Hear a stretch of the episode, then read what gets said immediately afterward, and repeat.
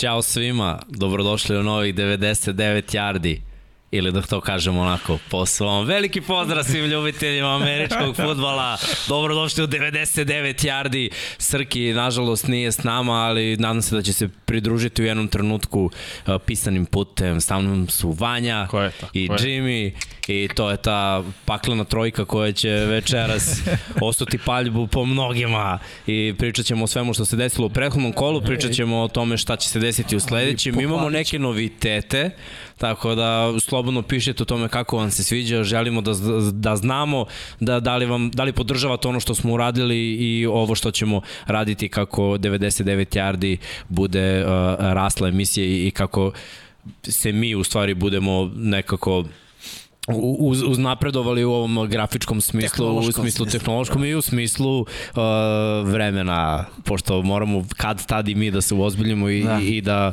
to ne traje 4 sata, nego onako u suštini sve da kažemo kako treba u 3 sata. Dakle, nemojte se bojite, nećemo skratiti emisiju na, na sat vremena, ostaćemo dosledni našem trajanju, samo eto, probat ćemo nekako do 12 sati bez witching houra. Probat ćemo da završimo u danu u kom smo počeli. Ajde Hvala. tako da kažem, to je možda onako naj, da, najreprezentativnije rečeno. Ali, e, ko će da kaže, mazite se, pazite se. To ćemo na kraju.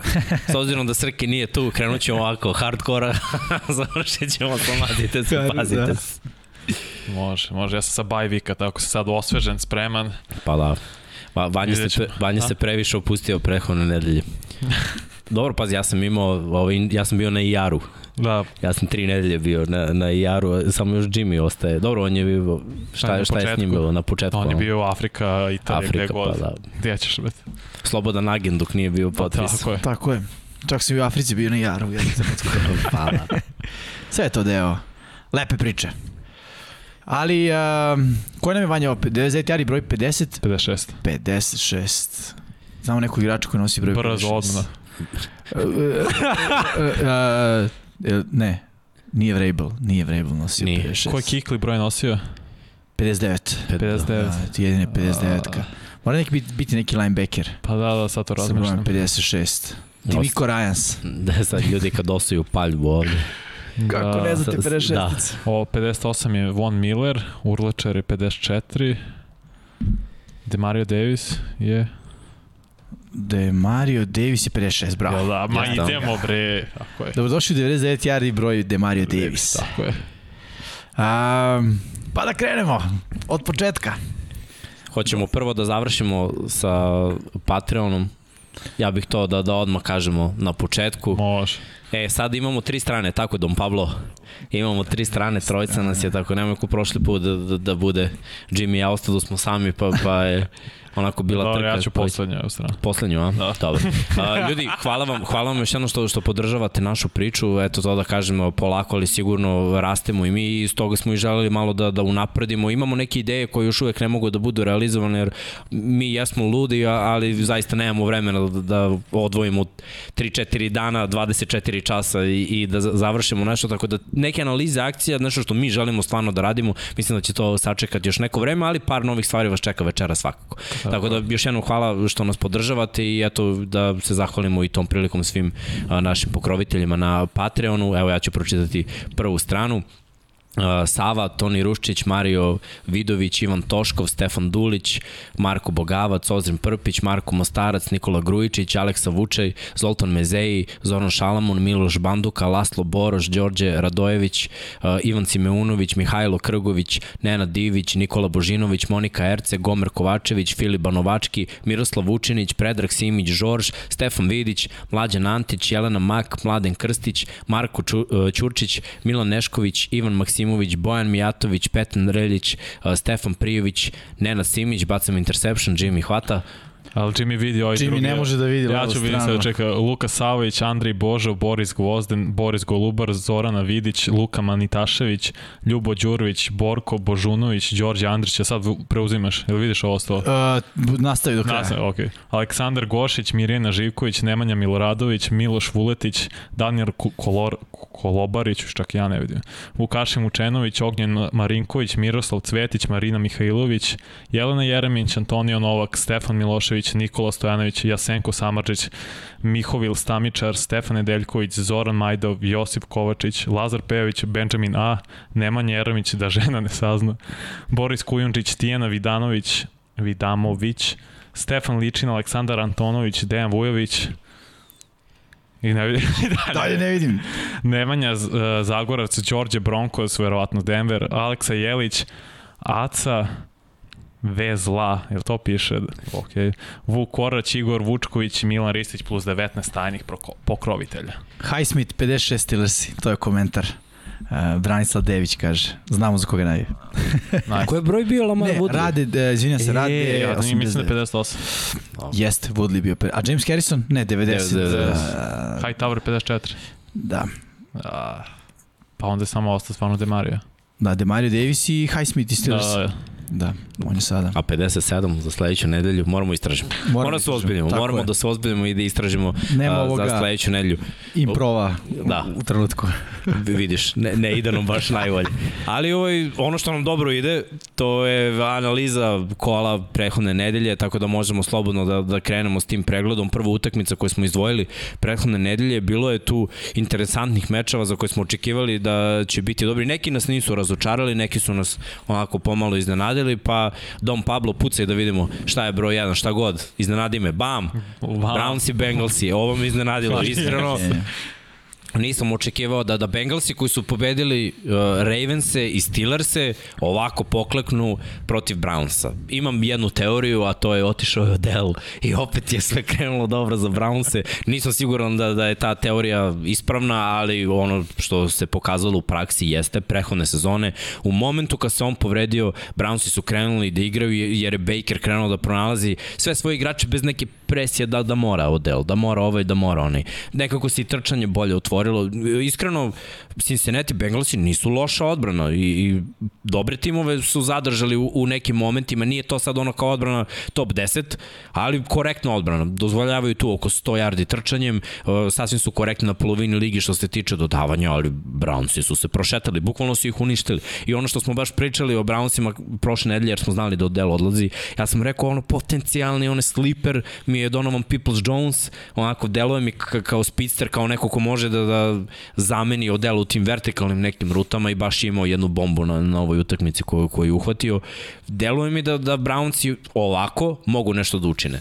E, sad, pitanje i Bengals i ono, od njih nismo očekivali ništa na početku sezone, da budemo realni, e, tako da moramo i mi da uzmemo u obzir koji je u stvari njihov krajnji domet i da očekujemo jer i dobri timovi, ozbiljni timovi se okliznu, zašto ne bi to radili Bengalsi u jednoj utakmici koja je bila divizijska i ono, da, da, da ne ide. Izgubljene lopte, to je bio problem. Jamar Chase je, je imao jedan fumble, Joe Burrow je imao dva interseptiona. Opet kažem, to su neke anomalije. Bila je ona jedna njegova utakmica protiv Chicago kad je uh, isto igrao nešto slabije trčanje nije bilo na nivou uh, Bengalsa u odnosu na trčanje Brownsa. Evo vidimo Nick Chubb imao 137 yardi, dva touchdowna, Baker preko 200 yardi, dva touchdowna, tako da, da se sve nekako poklopilo za, za Browns, a baš ništa se nije poklopilo uh, za, za Bengals. I ono što je možda dobro za njih, kako nastavljaju da rastu, jeste da su onako na jednoj utakmici je, Boyd broj 1 hvatač. Na drugoj utakmici i trećoj, četvrtoj je Jamar Chase. Ali onda se na ovoj utakmici pojavio Higgins, što, što znači da se oni možda još uvek traže ofanzivno, da, da pokušavaju da naprave taj balans trčanja i dodavanja i da su jedan mlad, mlad tim koji tek treba da raste. Mislim da budemo realni. Ko očekivao da će oni pobediti Ravens i Steelers se pre početka sezona? Da, da, slažem se u potpunosti i ono što je bitno reći, moje mišljenje da uh, oni će imati problem cel, do kraja sezone sa divizijskim utakmicama. Baš zato što ne, nemaju tu istoriju uh, da pobeđuju dugo nisu pobeđivali, dugo nisu bili faktor uopšte u NFL-u, samim tim u svojoj diviziji. E, sad je to ta neka mlada ekipa, ali ono, jedna nedelja će razvaliti Ravense, sledeće nedelje će ih razvaliti Brownsi, koji, već smo pričali prošle nedelje, oni dalje imaju taj, da kažem, kompleks od Steelersa i Ravensa iz svoje divizije, imaju problem da ih pobedi. Pitanje je da li će ih pobediti, a da to ne bude na, na, na poslednji posed. Uh, a Bengalsi sa druge strane, uh, ono, mogu i ne moraju. I kao što si rekao, šta smo očekivali njih ove sezone pred početak da budu poslednji u svojoj diviziji, a oni su potpuno preokrenuli stvari i bili čak i prvi jedno vreme u AFC-u celom što je ono, van svih uh, očekivanja, rekao bih. Uh, e sad, što se tiče ono nastavka, ko zna šta će biti što se tiče Bengalsa, ali na ovom meču definitivno se nisu pojavili. Pojavio se Chubb i za moje onako, moju analizu i moju procenu, ovo je, ovo je Čabova pobeda. Slažem se, slažem. Ja bih dodao da ovo odbora da je pobeda odbrane zapravo. Napokon je odbrana odigrala na svom nekom potencijalu. Nisu dva, 12 puta udarili Barova, pet puta su ga sekali. Ono, isto kao protiv Čekaka što se rekao, čim je osetio pritisak, problem. Jer ta ofenzivna linija nije dovoljno dobra njega štiti konstantno, pogotovo ne protiv defensivne linije kao što je Cleveland. I mislim da je to bio ključ za mene. Da, inače, ja, ti si rekao, počeo si imam teoriju, imam ja još jednu teoriju. A teorija kaže ovako, ekipa koja sledeće nedelje ide na baj, gubi ove nedelje. Da. Isto da. važi za ekipu koja ima kraću nedelju. Ekipe za baj nedelje ili ekipa da koja igra od nedelje do četvrtka kao da, da su Favorit se ono potpuno kao recimo Da, a ja, pazi, statistika, svaki put, svaki put kada je hendikep viši od 7 poena, favorit gubi u, u utakmicama. Znači plus hendikep da, da, da, od potpunog outsidera, to, to je ono totalno čudo ove sezone. Pablo, je, možemo da dobijemo uh, sliku Severne divizije AFC, aha, imamo nešto novo, nešto što je bilo potrebno. To je AFC Nord. Da. Bam. Boom. E sada, moramo da kažemo da su Ravensi sinoć uh, potonuli u okeanu, potopili Tako. ih delfini. Tako da, da uzmemo ovako u obzir. 6-3 imaju Ravensi, 5-3 imaju Steelersi koji mogu da se izjednače ove nedelje, Brownsi, Bengalsi 5-4. Vidjet ćemo posle koje utekmice ih čekaju, ali ovo je najneizvestnija divizija u mm -hmm. NFL-u, ujedno moje mišljenje i, i najbolja divizija s obzirom da su svi timovi iznad 50% i da su nam svi timovi iz ove divizije pokazali da mogu da dobiju bilo koga ove sezone ili da igraju egal sa nekim favoritima. Evo ti samo pogledaj u diviziji kakav je raspored po utakmicama. Jedino sad Ravens su odigrali jedan meč i izgubili su baš Cincinnati, svi ostali Steelers i jedan, jedan Browns i jedan, jedan Bengals i 2-1. Da. Tako je to baš ono pokolj u diviziji. Jedina divizija uz zapad da ima svi po pet pobeda minimalno ekipa. I ispravite me ako grešim, jedina divizija gde su svi bili poslednji jednom trenutku. Tako? Da. Sad su Bengalsi, bili su Brownsi, bili su i Ravensi u jednom trenutku. Ja mi Steelers. Bili su Steelersi na, negde na početku. Kada Nisam nisi siguran da su Ravensi bili. Zar nisu bili pre par nedelja, ne? Ne, ne, ne. Ok, pre par nedelja ne, a u prvoj mislim da nisu, jer zbog razlike u poenima, mislim da su mhm. Brownsi mm -hmm. tad bili. Da. Kad su izgubili Ravens. A Ali u, toga... u svakom slučaju divizija iz koje je u ovom trenutku moguće da bilo ko bude šampion i da bilo ko pored šampiona ode u playoff. Bukvalno. Bukvalno. Idemo dalje, Dom Pablito, sledeća, iznenadi me. ok. Ajde da vidimo. Dobro. Šta je bilo? Opa. Kako? Se ljubičasti se. Dobro, eto, ovo su vedre teme, vedrije teme za mene. Uh, Vikingsi u Baltimoru protiv Ravensa, produžetak treći za Baltimore ove godine, 31-34 i na kraju utakmica koja je ponovo počela u znaku drugog tima i ove godine Baltimore ima jednu tendenciju na koju mi nismo navikli, a to je da jure rezultat. U 2019. godine, kada su bili najbolji tim u NFL-u, Ravensi su uvek vodili i privodili utakmicu kraju već u trećoj četvrtini i sve je to bilo lagano. Ove godine u prvom poluvremenu su ozbiljni problemi. U trećoj četvrtini Baltimore kreće da igra, u četvrtoj eventualno pobedi ili izgubi u većini utakmice bilo tako, osim protiv Bengalsa koji su ih, ajde da kažemo, uništili u drugom polovremenu. Uh, na ovom meču moram da pohvalim pre svega Minnesota koja je ušla u ovu utakmicu. Pričali smo o tome. Minnesota po, posjeduje nekoliko playmakera koji mogu da naprave razliku, instant razliku. I to se bukvalno videlo odmah na startu utakmice onim dodavanjem Kazensa za, za Jeffersona, koliko su Ravensi šuplji u sekundari ove godine, jer nije on prvi hvatač koji je pravio problem, pa eto, Jamar Chase je mm -hmm. imao touchdown, pa je Pa i sinoć. Uh, tako sinoć je, sinoć, je, sinoć je bilo potopa pa protiv uh, Raidersa u prvom kolu je, je takođe bilo problema. Znači čitave sezone neko uh, shvata da je način da poraziš Ravense da igraš vertikalnim dodavanjima i Kazins je to radio. Međutim, trčanje baš nije funkcionisalo najbolje. Možemo da dobijemo ponovo statistiku, Pavlo. Eto da, da kažemo samo da je Dalvin Cook imao 110 yardi, ali bez touchdowna. A šta je tebi problem ovde u rushingu za Minnesota? Zato što je Baltimore toliko šupalj protiv mhm. trčanja, mm -hmm. da je ovo moglo da bude 170 yardi. A ne, znaš šta je, baš problem je što Matisona ne vidim nigde. Ima samo četiri nošenja i umesto bude kao zver sa dve glave, on i Cook da se menjaju konstantno, to je jednom stalo. Tako je. Drugi problem je 17 nošenja, jer ovo Sam. Jefferson što je istračao jedan reverse, ajde da, da zaboravimo to. Zamislite da Dalvin Cook ima 25 nošenja, koliko bi ovo bilo yardi. S druge strane, što se tiče trčanja Ravensa, sve ukupno to je bilo 240 yardi, ako se ne varam. Jer ovde smo izdvojili Devonta Freemana koji ima 79, ali i Bell je dodao nekih 50. I, 48 je Bell, da, da. i, i Lamar 128. Št- I vidimo 21 nošenje Lamara, 13 nošenja Freeman, mislim da su dvocifrena nošenja bila i Izabela, što znači da, da je to bio veliki broj nošenja. Zašto? Zato što je Minnesota šuplja protiv trčanja. Onda ih napadne tako. I naravno, desilo se u par situacija da su se Ravensi odbranili u sekundariju. Kirk Cousins, dva touchdowna sve stoji, ali ono, opet ispod 200 yardi. Nije loša partija, ne mogu ništa da kažem, on je imao i drive za, za produžetak. Jeste. Izjednačio je rezultat ka, kada su Vikingsi jedino izoostajali. Tako da opet nije loše, ali šta je ta Minnesota ove godine? Bukvalno sve vreme je ono, mogu da pobede, ne moraju da pobede je. i šta će biti, uglavnom gube. S druge strane, Ravensi obično ove trilere završavaju u svoju korist. Znaš da je bio ključ zapravo u broju napada. Ravens su imali 86 napada, uh, Vikings samo 52. To je mnogo i na nije ni čudo što se gubili, čudo nije veća Znači, razlika. akcija u napadu. Akcija, da, da, da, akcija. Znači imaš ti 86 akcija u poređenju, znači 34 Ja, dobro, više. Ne, znaš šta, ok, jeste, velika je razlika, ali ne mora da znači. To samo govori o stilu igre. To uglavnom govori da je Minnesota imala već uglavnom ili dobru startnu poziciju, što nije bio slučaj, I manje trčanja. da. ali su imali manje trčanja, Mnogo, upravo tako. da. Ti kada imaš ono big play pasom, ti onda imaš manje, manje akcije. Evo ti logično. ključno, sad gledam. Re- Baltimore 36 prvih danova, Minnesota 13. Pa mi, ja mislim To da... je na kraju to je to nedostatak akcije, na kraju je zapravo i super rezultat za Minnesota bio da je otišao prožetak jer mogu bude mnogo gadniji da Lamar nije imao dve presečene. Da. Uh, ja mislim da prošle godine ili preprošle godine, uh, da si, da, kad smo pričali o Minnesota, šta je identitet, svi bi rekli Dalvin Cook.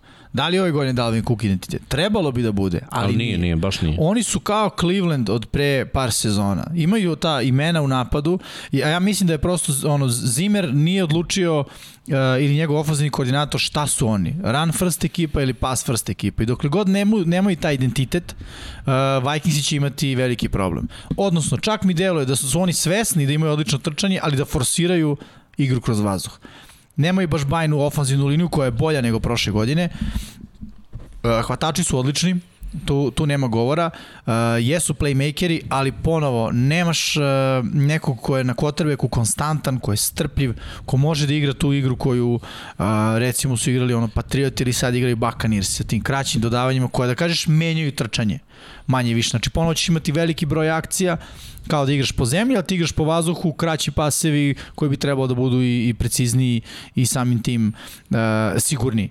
Uh, tako da ono, Minnesota baš zato će ostati do kraja sezone moja mišljenja ekipa koja može svakog da pobedi i može svakog da izgubi. Uh, nema priče o formi, jer formu možemo da spominjemo u trenutku kada znamo šta radiš. A kada malo igraš ovako, malo igraš onako, tu, to, to nije forma, to je samo ono, trenutak koji, u kom ćeš nešto pokazati. I evo vidimo skoro u njihovoj diviziji, u severnoj diviziji NFC-a, gde su Packersi apsolutno dominantni i to nakon novog poraza koji je usledio od Chiefsa u ovom kolu. Neigranjem. Tako ne verujem na Rodgersa, ali mislim opet je to četiri pobede prednosi u odnosu na Vikings i Bears, što je po mom mišljenju nedostižno i što je po mom mišljenju nedovoljno za Vikings i Bears da se nađe u play-offu ako pogledam čitavu sliku u NFC u Detroitu, da ne trošim reči. Tako da možemo da idemo dalje. Pucaj Pablo iznenadi. Uh. Da li je ovo Darnold je bilo bio iznenađenje? iznenađen. da. Pa i nije bilo A iznenađenje. naviku su na ovo. Sam Darnold protiv Bila Beličika u odbrani. Naviku Da, mladi To su duhovi u najavi. mladi quarterbackovi protiv Beličekove odbrane. Šta bih rekao za ovaj meč? Ne znam da li ste osetili, ali me, meni nekako deluje da su Petrioci u ozbiljnom zaletu. Mm, I to se, ajde da kažemo, od utakmice protiv Tampe je meni delovalo, ok, ovo je prekretnica, jeste poraz, ali je prekretnica. Krenulo je drugačije malo da se igra na svakom meču od tada. Prvo, dominacija protiv Jetsa, ali bukvalno dominacija. Oni su obrisali Gaženje. patos Da. Jetsima. A Jetsi su tipa dobili Tennessee koji je najbolji tim u AFC-u. Dakle da i oni znaju da iznenade. Nije to kao i Bengalsi su dobili, je tako? Jesu, da. Tako da ono, Jetsi mogu da pobede, ali protiv Petirioce ne da nisu bili blizu pobede, nego kao da nisu bili na stadionu.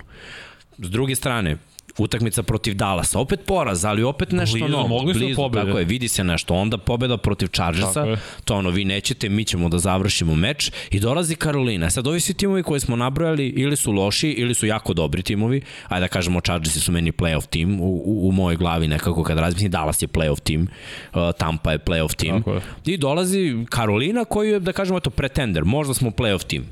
I sad igramo protiv možda playoff tima.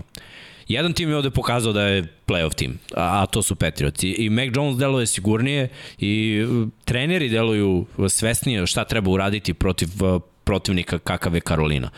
Mislim da da Karolina ima još mnogo toga da radi, eto moramo da kažemo da se povredio Darnold na ovoj utakmici, da ova statistika koju smo videli uh, nije finalna, da nije igrao tokom čitave utakmice, da, da PJ Walker ne može da, da zameni Sema Darnolda i zato su oni posegli, pričat ćemo o tome, to nam je priča nedelje, Cam Newton se, se vraća u Karolinu. E sad, Karolina i dalje ima šansu da se nađe u play-offu, NFC je toliko zanimljiv, Karolina je imala onaj niz na, na samom startu, tako da su skupili neke uh, pobede, McCaffrey je tu i, i za njih možda bude bilo bolje. Šta je bilo novo i utakmici, apsolutno se nisu pojavili. I jednostavno Patriotsi su tim koji mnogima neće leći ove, ove godine da igraju protiv njih. Imaju dobro trčanje, imaju agresivnu defanzivnu liniju, gde, gde neki igrači imaju zadatak ne samo da raše, ja gledam Judon, Judon rašuje, Judon drži contain, Judon ide u coverage u flat, to je, ne, ne, naš Bill ga koristi na, na razne načine, drugi igrači u defanzivnoj liniji takođe prosperiraju, sekundar im je brutalan. Sekundar im je možda najbolji u, u, u čitavom AFC-u to, to je nekako moje To je uvek viđenje. bila filozofija bili kad je imao Gilmora kao shutdown kornera, uvek je secondary bio zapravo ono snaga odbrane. Nikad nije bio front seven, ali sad je front seven bolesno dobar. Jer konstantno neki priti- pritisak koji je falio od prošle godine sada zapravo utiče na protivničke igrače, a igra trčanja ko proradi, Patrioti su ozbiljan tim, ozbiljan tim za playoff, jer kad su imali 2-3 protiv Dallas, ja sam rekao, oni su slučajno izgubili prvo kola. I protiv Buccaneers su tu bili, mogli su pobede isto kao protiv Dallasa i sada se vidi 5-4 i ozbiljno smo zaletu. Možemo da vidimo statistiku ponovo, Pablito. A, dokle čekamo statistiku, a, šta, je, šta mene brine kod igra New Englanda? Mac Jones 18 pokušaja. Ok, funkcionisalo je trčanje, ali neko će zatvoriti trčanje. I onda će im se obiti o glavu to što Mac Jones nema dovoljno pokušaja u mečevima koji su... protiv Tampe? Mada im, ne, imao je i protiv, I- i, i- protiv i- Dallasa, da, veliki on- broj. Na, tako da ja mislim da se to onako Tempira. treneri strateški da, da, da se prilagođavaju šta ide, šta ne ide. Ne znam. Nisam video to protiv Tampe i protiv Dallasa da može, pogotovo protiv Tampe da je vezao koliko 19 paseva za redom po pogođe kompletiranih, rekao bi ok, znaš, ne, ne, ne meni, zna još. Pazi, meni je to okej, ja nemam ništa protiv Maca Jonesa. Mac Jones je jako dobar izbor uh, Patriota na ovogodišnjem draftu i po meni ono jedan od najboljih uh, rukija quarterbackova definitivno. Možda i najbolji od ovih najzvučnijih imena sa ovogodišnjeg drafta. Ali, ponovo kažem, ne znam kako će odreagovati i šta će se desiti sa celom igrom Patriota. Viđali smo i da se raspadnu u napadu, do duše početkom sezone, kada se trčanje zaustavi onda ono, kreće se sa nekim e, siljenjem, neka dugačka dodavanja, neke stvari koje Mac Jones ne može da izvede, jer prvo, nema ni elitne hvatače, e, druga stvar, playbook se menja, suštinski, oni nisu ekipa koja baca bombe često, ovaj, e, to je traži ta, ta e, dugačka rešenja, e, tako da, ono, znaš, nije nemoguće zaustaviti trčanje danas u NFL-u. Mnogi ekipe to dobro rade. Da. Mnogi ekipe to dobro rade. Čak Pogotovo i kad protiv dođe... timova koji su dominantni. Tako je, ali Trčanje. pogotovo kad se dođe do play-offa. Znaš, u play-offu svi znaju uh, šta je, šta je najopasnije. A to je ono, zaustavi trčanje. Zaustavi trčanje i onda igraš jednu dimenziju. I onda sve, sve stvari su mnogo lakše. A, mislim da Jones mora da ima preko 25 pokušaja dodavanjem po utakmici da bi njegovo iskustvo raslo. Jer jeste on dobar, a, pokazuje on a, sve i slažemo se u potpunosti, to je dozirano, to se vidi, tu nema govora i kapa dole za trenere. Ali mislim da je sada već vreme i da je u ovoj utakmici isto u jednom trenutku, pogotovo u ovoj trećoj četvrtini, bilo vreme da se pusti ono malo kočnice, da se kaže probaj sada. Jer Karolina je bila pobeđena, to to se vidi, ono JC Jackson uh, pick six kad pravi ono uh, Darnold je ako se ne varam tri pasa za za, za tri drajva je završio uh, izgubljenom loptu. Da, ima tri. Za redom. I, za redom, da. Za redom, za redom. I to je bilo ono dokaz da da da je ta utakmica pobeđena. I tu je možda New England mogao malo više da Meni je to i dokaz da, da ono, ono što sam pričao o Darnoldu. Znaš, Jeste. postoji neko ko je, ko je ono, dobar. Ja uvek odvajam kad je neko dobar kad, i kad je neko odličan. I Darnold meni nikad nije izgledao kao, kao kod tebe. Sad mnogi ja, recimo, nije mu oružje. Ok, evo, šta fali ovom napadu? Šta fali ovom napadu? Ovaj napad ima jako dobri talentovani igrače napad, i prvih 4-5 kola i onda kad su bili ok. Ali Sad zašto? imamo Ne, malo... Krenule su bolje ekipe da igraju Da, protiv da, da. njih sada od treće kola i odmah se vidi. Mislim, opipavanje nekih snaga je bilo u prvoj četvrtini, nakon toga, ajde da kažemo, do nek legal druga, blowout u trećoj i doviđenja. Kad sam video da Darnold definitivno nije to to, kad je namestio DJ Moore, ono, potpuno da. bespotrebno. Znači, ono je bilo bukvalno dokaz ja nisam za NFL. Znači, onako namestiš svog hvatača. Z- Andersona. Robija, namestio je i Robbie Andersona, a i DJ Moore posle Robi toga. je namestio na ubistvo. Tako da, Robi sa su- onih njegovih 70, Onih Jedan i 6 po kila. kilogram, da. Da. O, ali te stvari govore da, ono, znaš, njemu prosto nije mesto u NFL-u u ovom trenutku. Ono, mora bolje. Ok, zato je tu Kemara za ostatak. Uh, Bing, idemo Pablito. Oko da smo... Na, e, može, može ovu utakmicu. Ovu utakmicu smo radili. I ovaj, ajde da kažemo ovako, bez Aarona Rodgersa, Chiefsi koji su krenuli da pobeđuju na jedvite jade dobijaju onako ozbiljan poklon, ozbiljan boost da, Da. se vrate u trku za play-off u njihovoj diviziji. Uh, Poklon ako je uzmemo, je. ako uzmemo u obzir da, da, da u prethodnim nekim godinama mnogi timovi su imali problem, nisu znali kako da, da vežu ono prve dve pobede i onda nakon toga ne- nekim ružnim pobedama uđu u neki dobar niz i onda kreću one lepše pobede i tako je. To je naravno moguć scenario, ne mora da znači, ali uh, uvek kada vežeš dve, tri pobede u slačionici krene malo bolja hemija. Mm. Chiefsi su ovde uspeli, znači da izađu na Megdan slabijem timu, oslabljenom timu, sa quarterbackom koji prvi put startuje, ja mislim da, da on drugi put igra, uopšte presezonu ne računamo, ovo je prvi put ono u NFL-u, gostujući teren, Saintsa, da. najbuč, najbučniji teren, Arrowhead. Uh, znači, grmi koliko navijači viču ti, on, on ne može da, da organizuje akciju u hadlu. Njegov... Majka gleda sa, iz helikoptera. Tako je, njegov cadence je ono bio toliko tih da, da mi koji imamo ono IT ton s terena, znači ja, ja ga ne čujem, znači ja ne znam kako, nekoliko puta su bile greške zbog toga. Gotovo, čitavo prvo poluvreme, ajde da kažemo sigurno prva četvrtina je bila malo problem za njega da, da, da uopšte se opusti i da uđe u neku zonu. A onda je ušao u zonu u nekako malo u drugoj četvrtini, u drugom poluvremenu skroz. Ja sam jako zadovoljan onim što je radio Jordan Love. Doveo je svoju ekipu dva puta do field gola u prvom poluvremenu. Jednom promašaj, drugi put izblokirani field goal. To nisu greške quarterback, to su greške specijalnog tima. I mislim da je specijalni tim jedan segment za koji se Packersi uopšte nisu spremili za ovu utakmicu. Jer je fokus verovatno na treninzima bio lav, lav, lav, lav, lav, napad kako da odradimo odbrana, vi morate da držite ovu utakmicu, vi morate da spustite Chiefs ispod 20, Što da bi jesno. mi sa ovim oslabljenim napadom imali neke šanse. Ali su krenuli da popuštaju Na drugi strani, ok, Crosby je promašio jedan, Crosby promašuje ove godine, to nije da. ništa novo, nije kao wow, sad ruši se sve, Crosby promašio. Druga, drugi je bio izblokiran, to je propustila linija. Protekcija je totalno popustila u toj situaciji i ono čovek je prošao gotovo netaknut.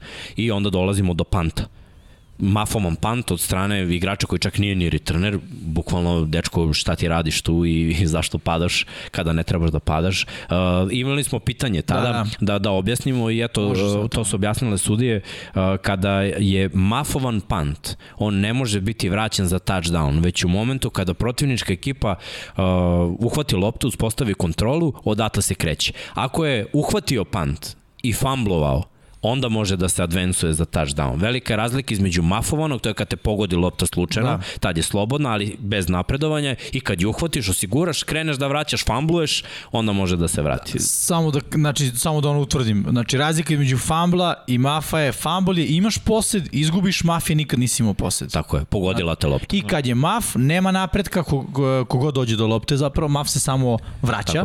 Može samo igrač koji je mafovo da nakon što je uhvati napreduje. Tako je. Svi ostali koji uhvate kraj akcije, odatle gde si uhvatio kreće onaj koji je ostvario posed. Kad si imao posed, lopta ti se izbije, to je fumble i onda važe pravila regularnog fumbla. Tako da pitanje je bilo zašto nije mogao da napreduje uh, igrač Kansas City Chiefsa nakon, uh, nakon mafa, zato što je maf. Tako je. Eto. Nije, nije bio ovaj, ostvaren posed to smo vam objasnili, eto možemo statistiku malo malo da se osvrnemo. Uh, jako slaba ofanzivna utakmica bez nekog ofanzivnog ritma. Vidimo i Chiefs i Mahomes, ja ne pamtim kad je Mahomes imao ispod 200 yardi, Nikad, ali ovo je, uh, ovo je utakmica u kojoj je Mahomes napravio jednu veliku razliku odnosno na njegove partije ove sezone, nula interception.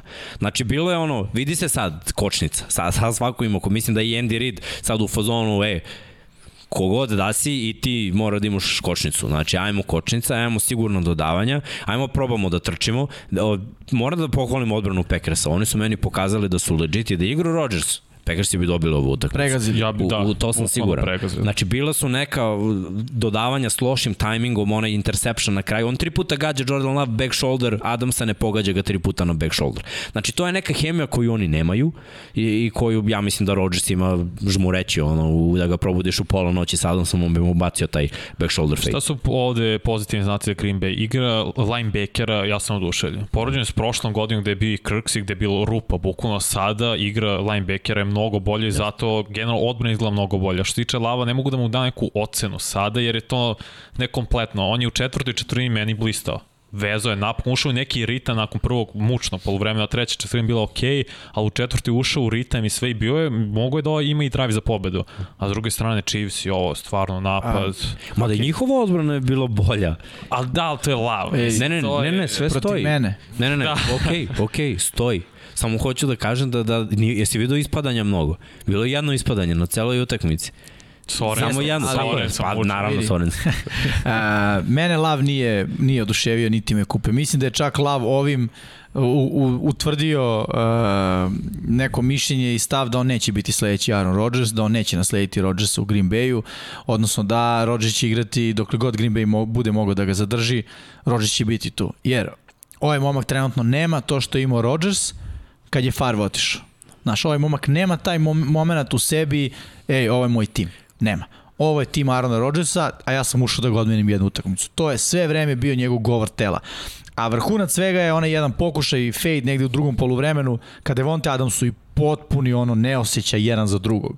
Gde Devonte Adams pretrčava svog čoveka, ovaj mu baca ka autu, znači Devonte Adams je pobedio svog direktnog čuvara. Da. Zašto bi ti bacio loptu ka autu u toj situaciji? On, on trči vertikalnu rutu, nema potrebe. Znači bacaš dužu ispred njega da on natrči, uzme loptu i samo produži svoj trk. On baca ka autu i to tako da ono, Adams prvo ima problem da je locira u, u, u vazduhu, I onda kada je locirao već je bilo kasno i ta lopta pada ono 5-6 yardi u out i Adams koji radi ovako. Ne, pa videla, videla Znaš, se frustracija i Adams- Adamsa i Koba. Jeste, ali Adams pre svih koji je ono, kome sam siguran da je u tom trenutku prošao kroz glavu, ovo ne funkcioniše. To nije to. Znači, E. ono, ne, ne, nemamo ritam, nemamo osjećaj jedan za drugog, znaš, je, ti ne znaš gde ću ja biti, ja nemam pojma gde ćeš ti da baciš loptu, ovo ne funkcioniše i ovo je frustrirajuće. Ovo Baš I zato, propuštena i zato prilika je, za Green Bay. Da, i za, ali dobro, mislim, u njihovoj diviziji njima Ne je u lagano. diviziji za konferenciju, jer ti imaš pobudu baš nad Arizonom, da je igrao Rodgers, ja verujem da je bilo 8-1 i bio bi prvi I u bio bi, konferenciji. vidio, I pobjeda na Chiefsima bi bio statement. Da.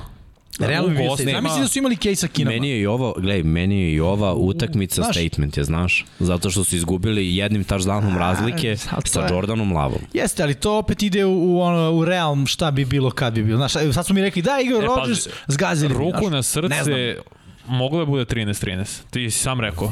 Znaš, E, ali nije. Nije, pa mi- da. To je istina. Dobro, zato pazi, zato je Devonta Adams rekao, znaš, dok se ne reši pitanje Rodgersovog ugovora, on Da, je da. slobodan agent, jer niko ne želi da igra sa Lavom sledeće sezone, dok je Jeste. potencijalno najbolji hvatač u, u NFL-u. Tako, jer znaš, ako, Lav, ako Rodgers ode, a oni kažu Lav je naš čovek, to znači Carolina Panthers i sezona. I možda nekoliko takvih sezona, ili onda čekaš sledeće veliko čudo na draftu, koje kao što vidimo nije baš lako da se stvori. I onda Green Bay, šta je fora sa Green Bayom? Pogledaj kad je počelo ovaj, eh, vladavina Vreta Farva pa kad se produži Aaron Rodgers, to je sve bilo, ti kada pričamo o Green Bayu, mi realno možemo reći bez problema, dve decenije je Green Bay dobra ekipa. I sad ti treba da uđeš u period očaja, znaka To ne, pitanja. ka, to smo Ne znam- pričali, to se ne dešava da ti ubodeš za redom dva Hall Vidi, of Fame quarterback. Nije čak ni stvar da, da ubodeš, znaš, oni da dovedu nekog mlađe koji je pokazao da može, znaš, ko, ko se u generalno uklapa u taj sistem, to je bilo okej. Da ti Rodgersa kada ode, dovedeš neko ko će biti tu još pet godina, to je okej. I vidi, Rodgers je tu koliko? Koja je ovo sezona? Pa ima... ima više. 2005. ako Da. računamo, Nije od pet. pa ne, ako računamo kad je draftovan. A, kad je draftovan, Znači pa- 16. Pa da, ali mislim... 16 godina, koliko ali je bio ne igra, tu? ja mislim da, da je prve dve, tri sada. Uh, sedeo je tri Rodgers prve. Nema veze, ali tad je igrao Favre. Koliko je Favre bio tu? 94. čini mi Ok, se. znači ja sam pretrao kad sam rekao 20. Tri Više, decenije. Viš, tri decenije. Tri decenije Green Bay dobar napad. Favre je bio prvo sada u Atlanti, Atlanti, da. pa je onda bio... Ok, ali k- Posle kad pričamo o Green Bayu, decenije. sad zamisli koji je to za, za sve, za zajednicu, za ekipu, za vlasnika. Tri decenije si uvek u priči za Super Bowl, za playoff i sad odjednom treba da odeš u priču, ne znamo šta Mi će pričamo biti, znaš, ne Cleveland ide. Brownsi do Bakera dve decenije su mogli da nađu quarterback. Zato kažem, to je privilegija ti, da ti nađeš quarterbacka dobrog, ali dobrog, ne Sad što odličnog, imaju dobrog. dodatne stvari, znaš ono, Green Bay ako ne ubode zlatnu koku, ko će da ide tamo da živi, brate, Pa na jest. minus 200, ono svaki. Halo. Jest. Ne, za pare, sve može da se Pa. nađe, bre, za ma, it's all about the money. Opa, Oh. e, šoker, ovo je bio šoker. Yes. Sunday night, uh, Tennessee Titans idu na SoFi stadion, repriza, jedna od ovih repriza Super Bolova uh, iz 2000 iz 2000-te, tačno u stvari, nešto što smo mi gledali na ovim prostorima kao mlađani, ja lično i Prvi tad Bowl sam koji se da, ta, tada sam se upoznao ono i ok, Ramsey, da vidim taj napad i, i Tori Holt, Kurt Warner, Marshall Falk je tu, Falk show. nama, E, tu je nema, ne. danas nije tu, danas Falk je u Kentonu, malo odmara. To očekao od dela, brate, šta ti. Pa to. Ali s druge strane Tennessee Titansi bez uh, Georgia, bez uh, Dysona, Bez ali sa, Henrya. ali sa nekom novom ekipom, da, bez najboljeg running backa, ja, ja uvek kažem, moram da pomenem da, da se dečko povredio nakon 8 kola sa 940 istračanih yardi i da mu je malo falilo za 1000. I onda u toku nedelje, bam, potpisuje se Adrian Peterson. Peterson koji ove godine nigde nije bio na kampu, čovek je trenirao onako sam, što, što mi volimo kažemo ovako sa, sa ortacima u kraju. I ajde da kažemo i ovo, Adrian Peterson bi mogao ove sezone da, da ima ono preko 15.000 yardi, malo mu fali, mislim da je 200 i nešto, na ovoj utakmici se nije natrčao mnogo, ali je postigao touchdown kojim je prestigao Voltera Paytona, što nije mala stvar. 125 touchdown. Tako je. Ta, tako da ono, neke stvari se dešavaju, videli smo Dontu Formana, videli smo malo i McNicholsa, ali ono što je mene iznenadilo uh, jeste da, da smo videli odbranu Titansa koja je divljala protiv Ramsa i, i to je nešto što uopšte nisam očekivao na ovoj utakmici. Jako je Stafford imao neku statistiku što se prebačenih yardi tiče, imao je dve izgubljene Dve lopte. Ali on, ono što je meni nekako obeležilo, uh, trčanje, Henderson mi nije za prvog beka, više bi ja forsirao Sonija Mišela, uh, u napadu je uglavnom sve Robert Woods, Cooper Cup, fali ne, ne- neka treća struja, možda zbog toga doveden Odell Beckham. I ono što je u stvari prava priča ove utakmice jeste banda iz Los Angelesa koja nisu Raidersi. A to su Ramsi bile na ovoj utakmici sa preko 100 yardi kazne, sa back to back 15 yardi kaznama u drajevima gde guraju Tennessee do ono, end zone bukvalno. Ajde momci, evo vam. Za Jalen Ramsey pravi drugi onaj i onda jedan je kao personal, a drugi je unnecessary roughness, pa nije, sus, nije izbačen sa utakmice, pa kreće trash talk, taunting tokom čitavog meča, pa marš pravi onu glupost. Toliko je bilo neke stvari, gledam utakmicu i razmišljam, ok, sa ovakvom igrom oni neće osvojiti ništa. Ja ne pamtim prehodne godine da, da je Tampa i utakmicama kojim nisu išle pravila ovakve gluposti da su imali 100 i više yardi kazne, da, da, da poklone čitav teren. S obzirom da je ekipa skockana tako da bude plaćenička ekipa. E sad, šta njima ide na ruku? Nije igrao Von Miller, to je znači dodatni problem za, za svaki napad. Miller je bio na sideline-u, Beckham će tek da, da uđe u, u neku šemu, nisu imali pravu vertikalnu pretnju i, i zaista se traži da neko odvuče safety-a, onda je Staffordu sve lakše i videli smo koliko god Dešon nije bio produktivan, on je bar radio neki posao. Skloni tamo safety-a duboko i onda te crossing rute, ovo, ono, to, to, to sve proradi. Taj tendovi prorade, Cooper Cup, Woods proradi i sve zahvaljujući vertikalnoj pretnji. Jer uvek pričamo o toj statistici, ja koliko imamo targeta, koliko imamo hvatanja, koliko puta odvukao nekog da bi neko drugi imao hvatanje. I to, to su stvari kojih nema u statistici, a koje su vrlo značajne i sad će ono Van Jefferson, Odell možda malo naprediti taj napad. Sve pohvale za Tennessee. Tennessee je prvi u AFC-u i, i Tennessee je jedan od najozbiljnijih timova koji smo gledali do sad, jer mislim da nije samo do igračkog kadra i Derika Henrya, malo je tu i, i do Vrabela i do uh, stručnog štaba. Jeste. I odbrana Tennessee. Po meni je to naj, najveća vest jer odbrana Tennessee izgleda sve bolje i bolje. Kako su pobedili Buffalo? Oni su počeli da ono šematski rade odličan, odličan posao. Don Pablo može, može ovaj uh, AFC Jug, čisto da vidimo kako trenutno izgleda poređenje. Te, Titansi su prvi, rekao si prvi u AFC-u, logično prvi u svojoj diviziji, 7-2, Coltsi uh, 4-5, Jaguars i 2-6, Texans 1-8. Ok, divizija im baš ide na ruku, mislim. Da. Da. Računaju još tri pobede u diviziji, stvarno. Ne vidim ni kolce čak da... Oči, ne, oni su čistili kolce. Oni su Coltsi čistili. da, Da, da, da, 2:0. da. Računaju još tri pobede. Tako Da. je. Bukvalno. Jeste. Tako da, ono, što se Titansa tiče, delo je da će biti E, ali podlačim, deluje. Nakon sinoćeg meča, uh, onaj naš naslov je potpuno, ja mislim, prikladan. Dom Pablo, ako možemo thumbnail, jer uh, gledamo, pravimo prognoze, vidjet ćemo posle kako smo prošli, ali bukvalno nema poredka u NFL-u.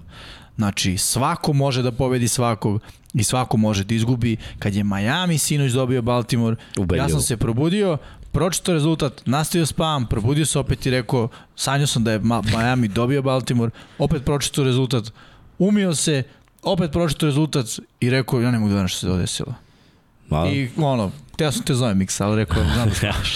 Spava se tato. Sve spava. dobre ekipe se okliznu jedno. Bar za sad tako. Da, da, e, pa nije jedno. To je, to je, no, to je okej, okay, normalno. Samo pitanje kako će Tennessee bez Henrya. Mislim da je samo da Ramsi su ih olako shvatili. Da. Su re, videli, ok, nema Henrya, ali možemo, mi je lagano. Ramsima može da se e, desi nešto loše, baš zbog toga što su definitivno plaćenička ekipa.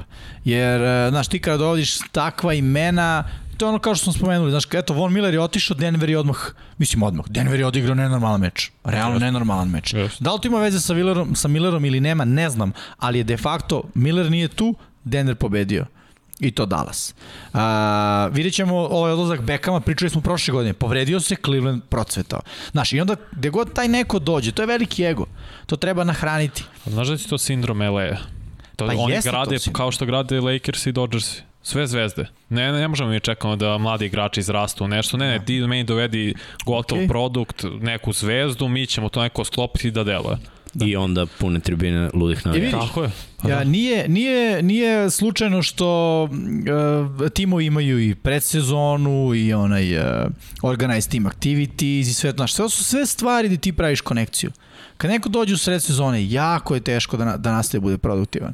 Prosto, takav je sport. Generalno mislim da u sportu je ono, nije, nije baš lako, ali u američkom futbolu pogotovo.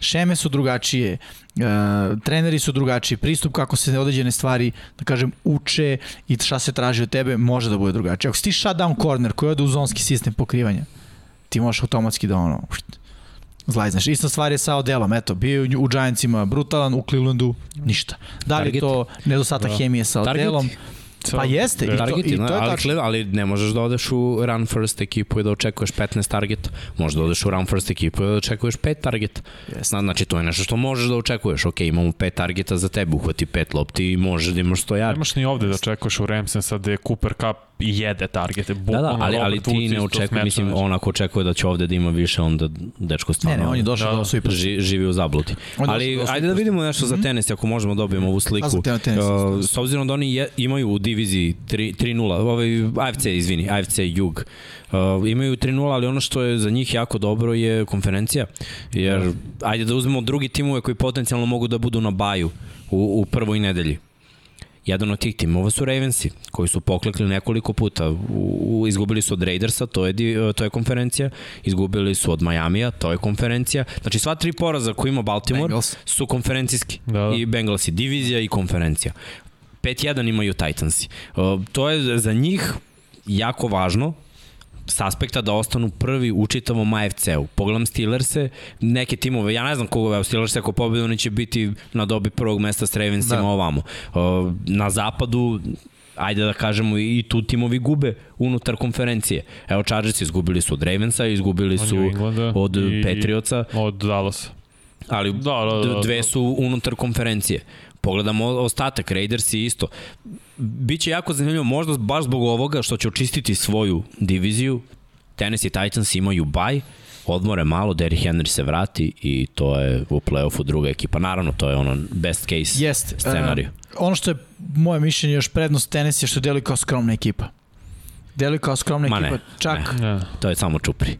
Meni, meni Oni, da. džukci to je ta ekipa. Možda, ali ja kažem, znaš, deluje mi kao skromna ekipa u smislu, ne deluje mi kao ekipa koja će uh, da poleti i da budu u fazonu, ej, mi smo prvi u AFC. Pa pazi, ta ista... Mislim da, je, da su oni baš ono, prolili znoj uh, da dođu, da budu prvi. Znaš, nikad nisu bili favoriti. Toliki godine Marcus Mariota, ništa. Pa Jeste. Pa Tenehill, pa ajde se uhoda, pa ajde ovo, pa gde je Corey Davis, pa pojavi se Corey Davis, evo ga AJ Brown. Znaš, Ovde uvek se Corey nešto Davis. čekalo. Jeste, ali pazi, sve se promenilo godine, od finala AFC-a. Jeste, ali ove godine ne možemo da kažemo na početku, e, sklopile su im se kockice. Nisu.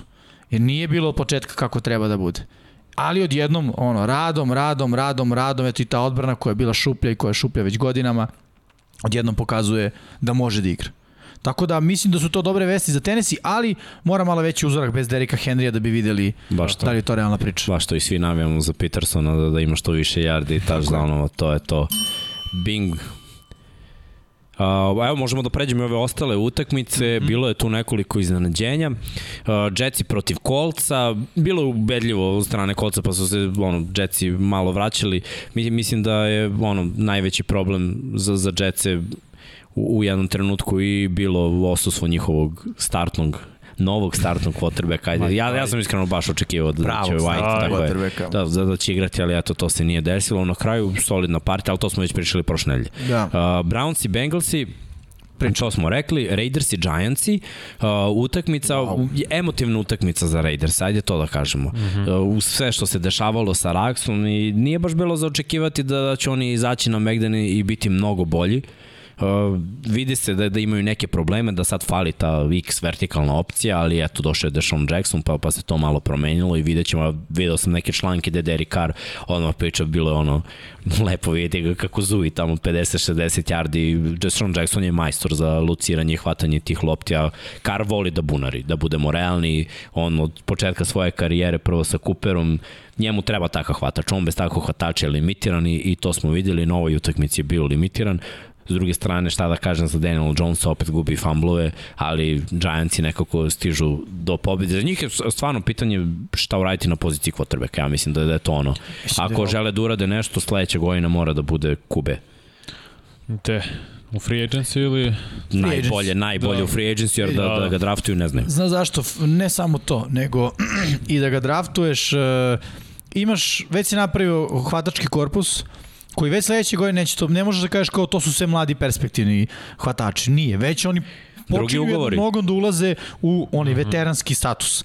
I kad imaš takve hvatače, njemu ne možeš daš ono klinca da mu baca loptu. A plus sledeće godine kube koji izlaze, to je muka. Muč, Ma i baš to, je muč. ali generalno se pokazalo, evo ti ove godine top klasa, ludilo, gde su? Da, to, to, to, Mac Jones, Fields po meni isto igra pristojno, ali ajde i oni u okruženju koje je tempirana sve bomba, gde može sve da se raspadne. Mm. Tako da ono, znaš, ne polažem velike nade u, u, u ruki quarterbackove u prvoj godini. Naravno, treba neko vreme. E, tako da za Giants se mora novi kube sledeće godine, definitivno. A ova pobeda, ja, ono, ostao sam bez teksta u smislu, više mi je to poraz Raidersa Just. nego što je pobeda Giants. Dobro, mada oni imaju stvarno španska serija za njihove godine. Da. Promašili su grad, da, da, trebali su u Mexico City da odu i bukvalno televisa presenta. Propuštena prilika za Raiders. pa ne, pa da se sve izdešao, on, da. Gruden, pa Stvarno, sad Raj, mislim, nemoguće. Koliko, koliko ti stvari ovakvih može da se desi u toku sezone? Pa i vidjet ćemo, tek smo pa, pola. Pa da, ajmo, idemo dalje. Uh, Patriots i Panthers i rekli, Falcons i Saintsi, e, ovo je bila utakmica koju moramo malo da popričamo, ali dobro, to je divizijsko rivalstvo i, ajde da kažemo, bili su jedni i drugi tu, nadomak pobede, Saintsi su odradili svoje, poentirali i imali jedan zadatak, da njihova odbrana koji je bolji do tima završi meč.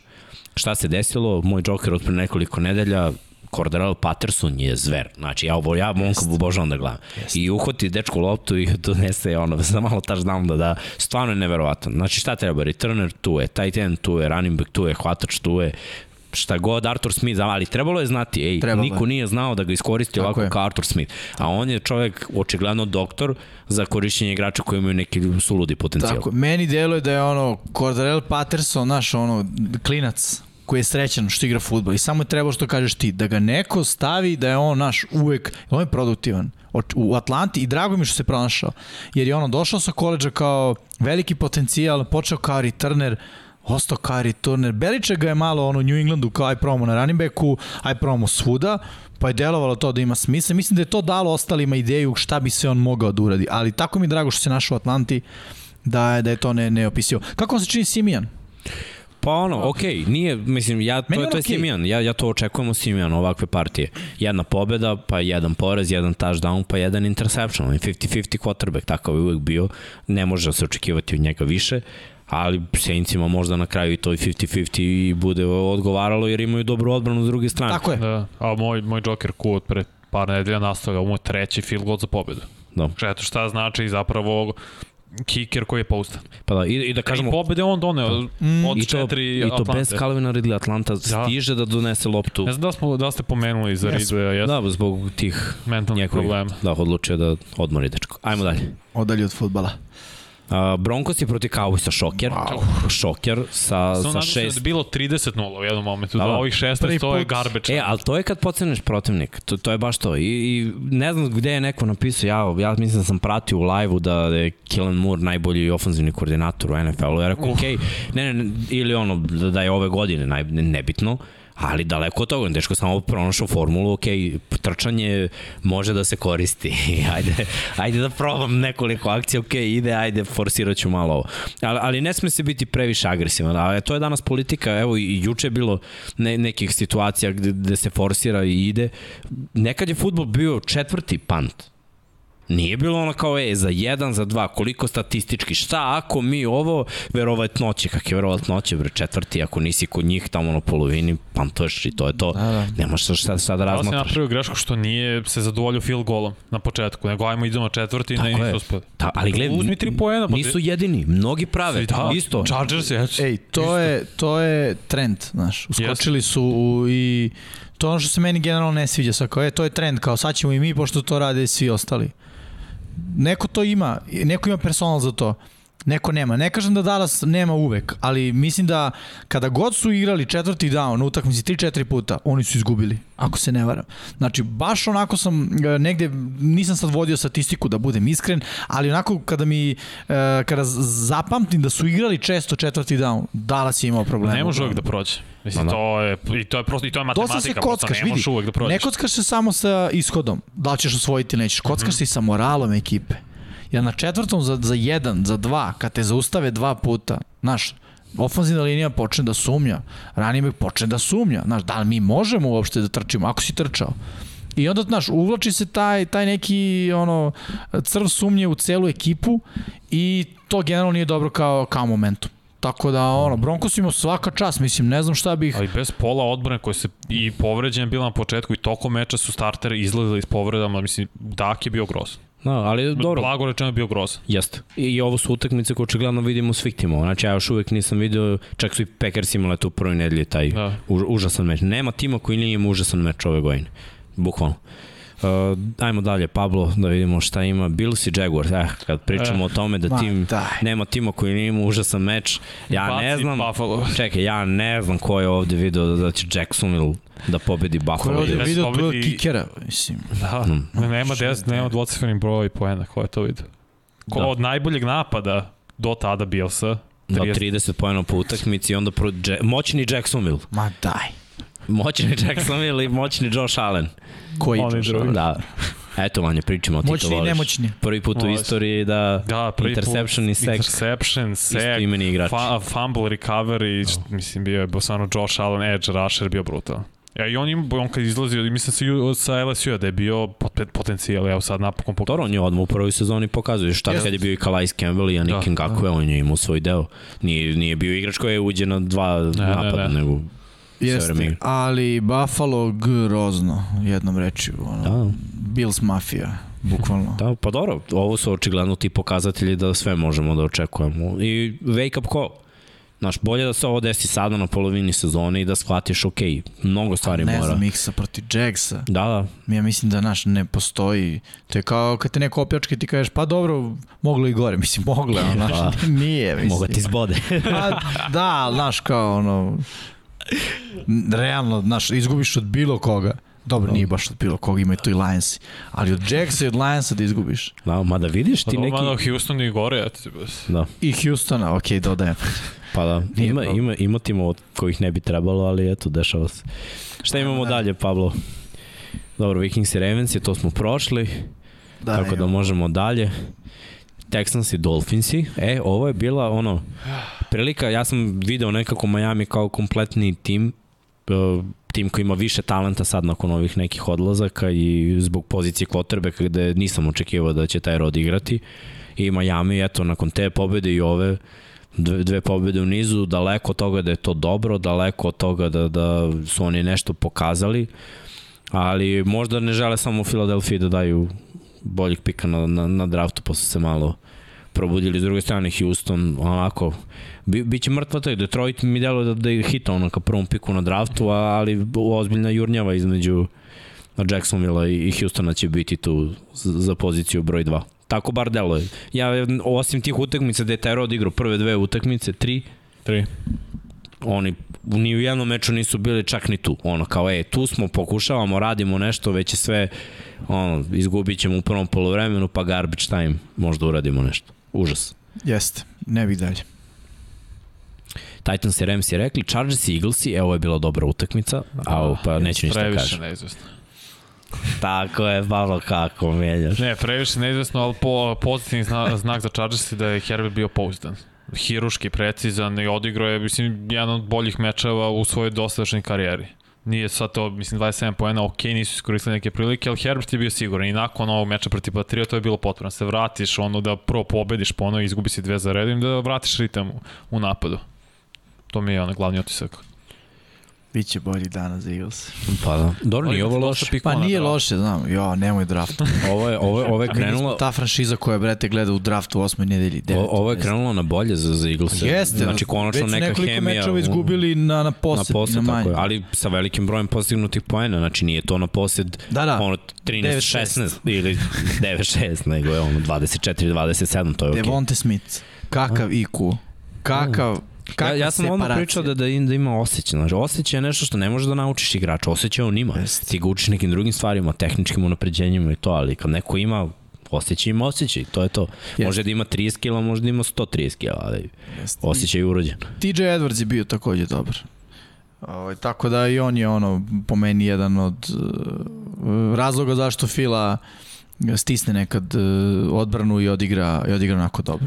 Jer od kako je on uh, stavljen u kombinaciji sa Singletonom, mnogo bolje izgleda linebackerska uh, linija Eaglesa. Da. Ali okej, mislim, ono, polako, mislim polako. Uči se iz utakmice u utakmice. Meni je drago dokle god je u, u, u dometu, znaš, nije ono Blowout. plus 10, nije blowout, nego tri razlike, četiri, koliko je bilo. 3. 3, 3, 27, 20. Pa na kraju ono odredio field goal i pohvale za Slatera koji kao ruki na levom teklu igra bolesno dobro. Ba, baš stvarno igra dobro i vidi se da je odličan pik. Da. Igra, igra. Ništa idemo na Steelers i Berse. To je bila utakmica Krađe. Uh, znao sam da, da ovi što mrze Steelers Ne, će imati mrzim, nešto da kažu, ne. ali činjenica je da Steelersi znaju da pobede ružne utakmice. I znaju, a tek što znaju da igraju, tek što znaju da igraju ružne utakmice, to je druga stvar. Ali, pazi, ružna po ružna po ružna i bam, evo ga. Pobjeda je pobjeda. Da. Je tako? Jeste. I sad imaju 5-3 i sa skorom 5-3, ako ove nedelje triumfuju, mogu da budu prvi u, u svojoj diviziji. Što je bilo pre 3-4 nedelje, n- ono, nemoguća misija. Ja mislim da, da smo svi videli kako Steelers igraju, koliko problema imaju, ali šta, krenulo je sve da bude malo bolje. S druge strane, koja je ova utakmica za, za Chicago da, da su tu? i da imaju šansu, a što kažeš ti, tu su, a izgube jednim posedom. Nije to loše, daleko od toga da, da je loše, samo to je franšiza koja i dalje mora da raste. Ja, ja mislim da, da ako se odluče za Filca, moraju da ga okruže, tam mora sistem da bude bolji, mora talenti oko njega da budu bolji, odbrana se već ozbiljno osipa, i, i deluje mi ono, da, da ni tu baš nema jasnog rešenja. Šta smo mi, veteranska odbrana ili mlada odbrana koja ima par veterana. Šta god daje, ako je ovo drugo, to je problem. Ako je ovo prvo i to je problem, mislim, mora budeš mlađi u odbrani. Plaši sam da Chicago čeka ozbiljan rebuild na obe strane. Pa da. Našao si kvotrbe, kao ofenzivna linija je prosečna, odbrana je. sve starije što ti kažeš, osipa se, ali imaš, mora imaš koje su mladi dobre igrače, vesti. znaš, i Da. onda, znaš, kako veteran da, da bude na istoj stranici kao mladi, znaš, mladi igrač napravi grešku, ok, tu je sledeća utakmica, sledeća sezona, veteranski igrač, čekaj bre, koja sledeća, možda ne igram sledeću sezonu, imam Da. 40 godina. Da, da. A znaš šta su dobre vesti? Kada draftuješ online, veća šansa je da već u prvoj godini bude impact player, nego kada draftuješ QB-a. Da, da, jasno. Realno. Tako da, ja bih pre birao da nađem QB-a i da draftujemo online. Mislim da nemaju pikove u prvoj rundi sad, baš zbog... Ne mora da Da. znači, znaš, za, za online, ok, prva runda naravno brže će da klikne, ali možeš naći i dobre igrače ofenzivne linije u drugoj trećoj rundi. Već preko toga je diskutabilno, ali Da, mene Ovaj. zanima situacija s Robinson, da li će da ga potpišu long term. Da. To, to je nešto što, što gledam do kraja ove sezone. Ajmo dalje, Pablito. Mislim da imamo Packers i Chiefs ste rekli, Cardinals je 49ers i iskreno ovo je bilo očekivano. Colt McCoy O, show. ova, ova Da. godina jednostavno nije godina 49ersa, jako kao na papiru neke stvari su dobre. Ne, nemaju primarnog beka, mislim da, da je ta ekipa napravljena da, da trči Mostert, ne da trče drugi igrači. Drugi igrači mogu da trče, ali kao u Baltimoru. Nije to to. Može Freeman da iznenadi, mo- može Bell, ovamo isto može Mitchell. Mogu oni da pronađu nekog beka koji će da uradi nešto. Ali on nije Mostert. I ofanzivna linija ne radi baš njim. I onda Kittle se vrati, pa napravi fumble. To je nešto što im takođe ne odgovara. Dibo Samuel igra dobro, a Juk uhvati loptu, ustane, napravi fumble, izgubljene lopte. Garopolo izdominira jednu utakmicu, drugu odigra prosek. S druge strane, Cardinals i kogod da stane na poziciju quarterbacka, pa ti prošle godine smo imali neke mečeve gde ono, odbrana, ja mislim, failovala. A na ovoj utakmici... Samo quarterback. Nije igrao ni... Nije ni Hopkins igrao. Hopkins, A vrlo- nije igrao i e, Conner Besh nije igrao. Ili Igrao je ne, dao tri touchdowna. Ne, samo Edmonds. Hopkins samo. Hopkins i Mari nisu igrali. Ali to, ovo su stvari koje Arizona nije imala prošle godine. Da, da, Dobro trčanje, produktivno trčanje, kada je potrebno. Sad imaju, jer imaju jeste. Ajde da kažemo da do Conner igra sezonu života, 10 istračanih touchdownova, najviše u ligi. Odbrana zaustavlja kad je potrebno. Simons, iznuđen fumble, ponovno, znači konačno se pronašao. Murphy kida. Njihova odbrana radi posao i bez JJ Watta. I to, ajde da kažemo, ok, protiv ovih napada 49ersa koji je prosek, odradili su svoje, ofanzivno su postigli dovoljno poena, od, odradili su posao koji je morao da bude odrađen protiv divizijskog rivala. Na impresivan način. Da, Baš na Arizona je dobila Remse, ajde da kažemo od ozbiljnih timova, jedva su izgubili protiv Green Bay-a, ono u posljednjem napadu, ok, ajde da kažemo, to je to. Arizona nema zapravo loš meč. Ako sve ove do, dobre ekipe, playoff ekipe imaju, bar su se jednom okliznuli, Arizona nije. Još uvek. Još uvek. Do Mogli su- sada nije. Da, bilo bi malo iznenađenje da su pukli od Minnesota, ali s obzirom da nisu, Da. nećemo pričamo o tome. Da. Nego, Ja bih da sad pogledamo uh, trenutnu situaciju što se tiče play-offa. Nakon odigranih da, uh -huh. devet smo, utakmica, da, da, ajde, to da da. vidimo kakva je situacija uh, NFC, AFC, ako bi danas bio kraj sezone, ko bi išao u play-off, a ko, ko ne bi. Ajde, u NFC-u, znači prvi tim u čitavoj konferenciji Cardinalsi 8-1, pa drugi Packersi 7-2, pa onda Buccaneersi 6-2 i Cowboysi 6-2. Da kažemo da neki, tim, neki timove tek čeka baj nedelja. Mm -hmm. uh, što se tiče wild carda, trenutno Ramsi sa zapada na poziciji broj 5, Saintsi sa juga na poziciji broj 6 sa skorom 5-3 najneverovatnije. i Atlanta Falconsi sa skorom uh, 4-4. Uh, to je sedmi tim u wild cardu i naravno in the hunt moramo da kažemo Carolina, Minnesota, Seattle, 49ers. Setimo se ovako je bilo i prethodne sezone. U negativi su bili timovi u huntu iz NFC-a. Tako je i ove godine što ipak govori o onome što smo pričali, da, da NFC ima timove koji su onako dobri i koji će da reše ove timove koji su loše, ali će ući u playoff jer neko mora da uđe u Ali playoff. znaš šta je razlika? Prošlo, sad imaš pet vrlo dobrih ekipa u NFC-u. Realno imaš, svako od ove ekipe može pobediti svaku. U top 5. Prošle godine si imao nekog koji je morao da uđe sa istoka, jer je prosto morao. Pa Imao si sa, da, pa gledaj, i, i, i sada neko mora da uđe s istoga, samo što ono, Dallas igra dobro. Mnogo ove bolje, godine. mnogo bolje. Znaš, a ovi ostalo je stvarno tuga i tragedija. Dobro. Jeste, ali e, meni je uvek zanimljivo kada pogledam ovakvu sliku, kada ono vidiš kao Falconsi tipa, da je danas kraj sezone, išli bi u wild, uh, kroz wild card bi ušli u playoff. 49ersi koji kao jure, uh, Vikingsi koji jure i Panthersi koji jure. Ajde, okej, okay, Seahawksima priznajem, sad se vraća Wilson, pa bit će to bolje. Ali kao 49ersi trenutno jure, sad smo pričali o njima, ono kao ovo nije ta sezona. Pa da, pa i nije. Ako budu ušli u playoff, to je one and done. Evo, možemo AFC?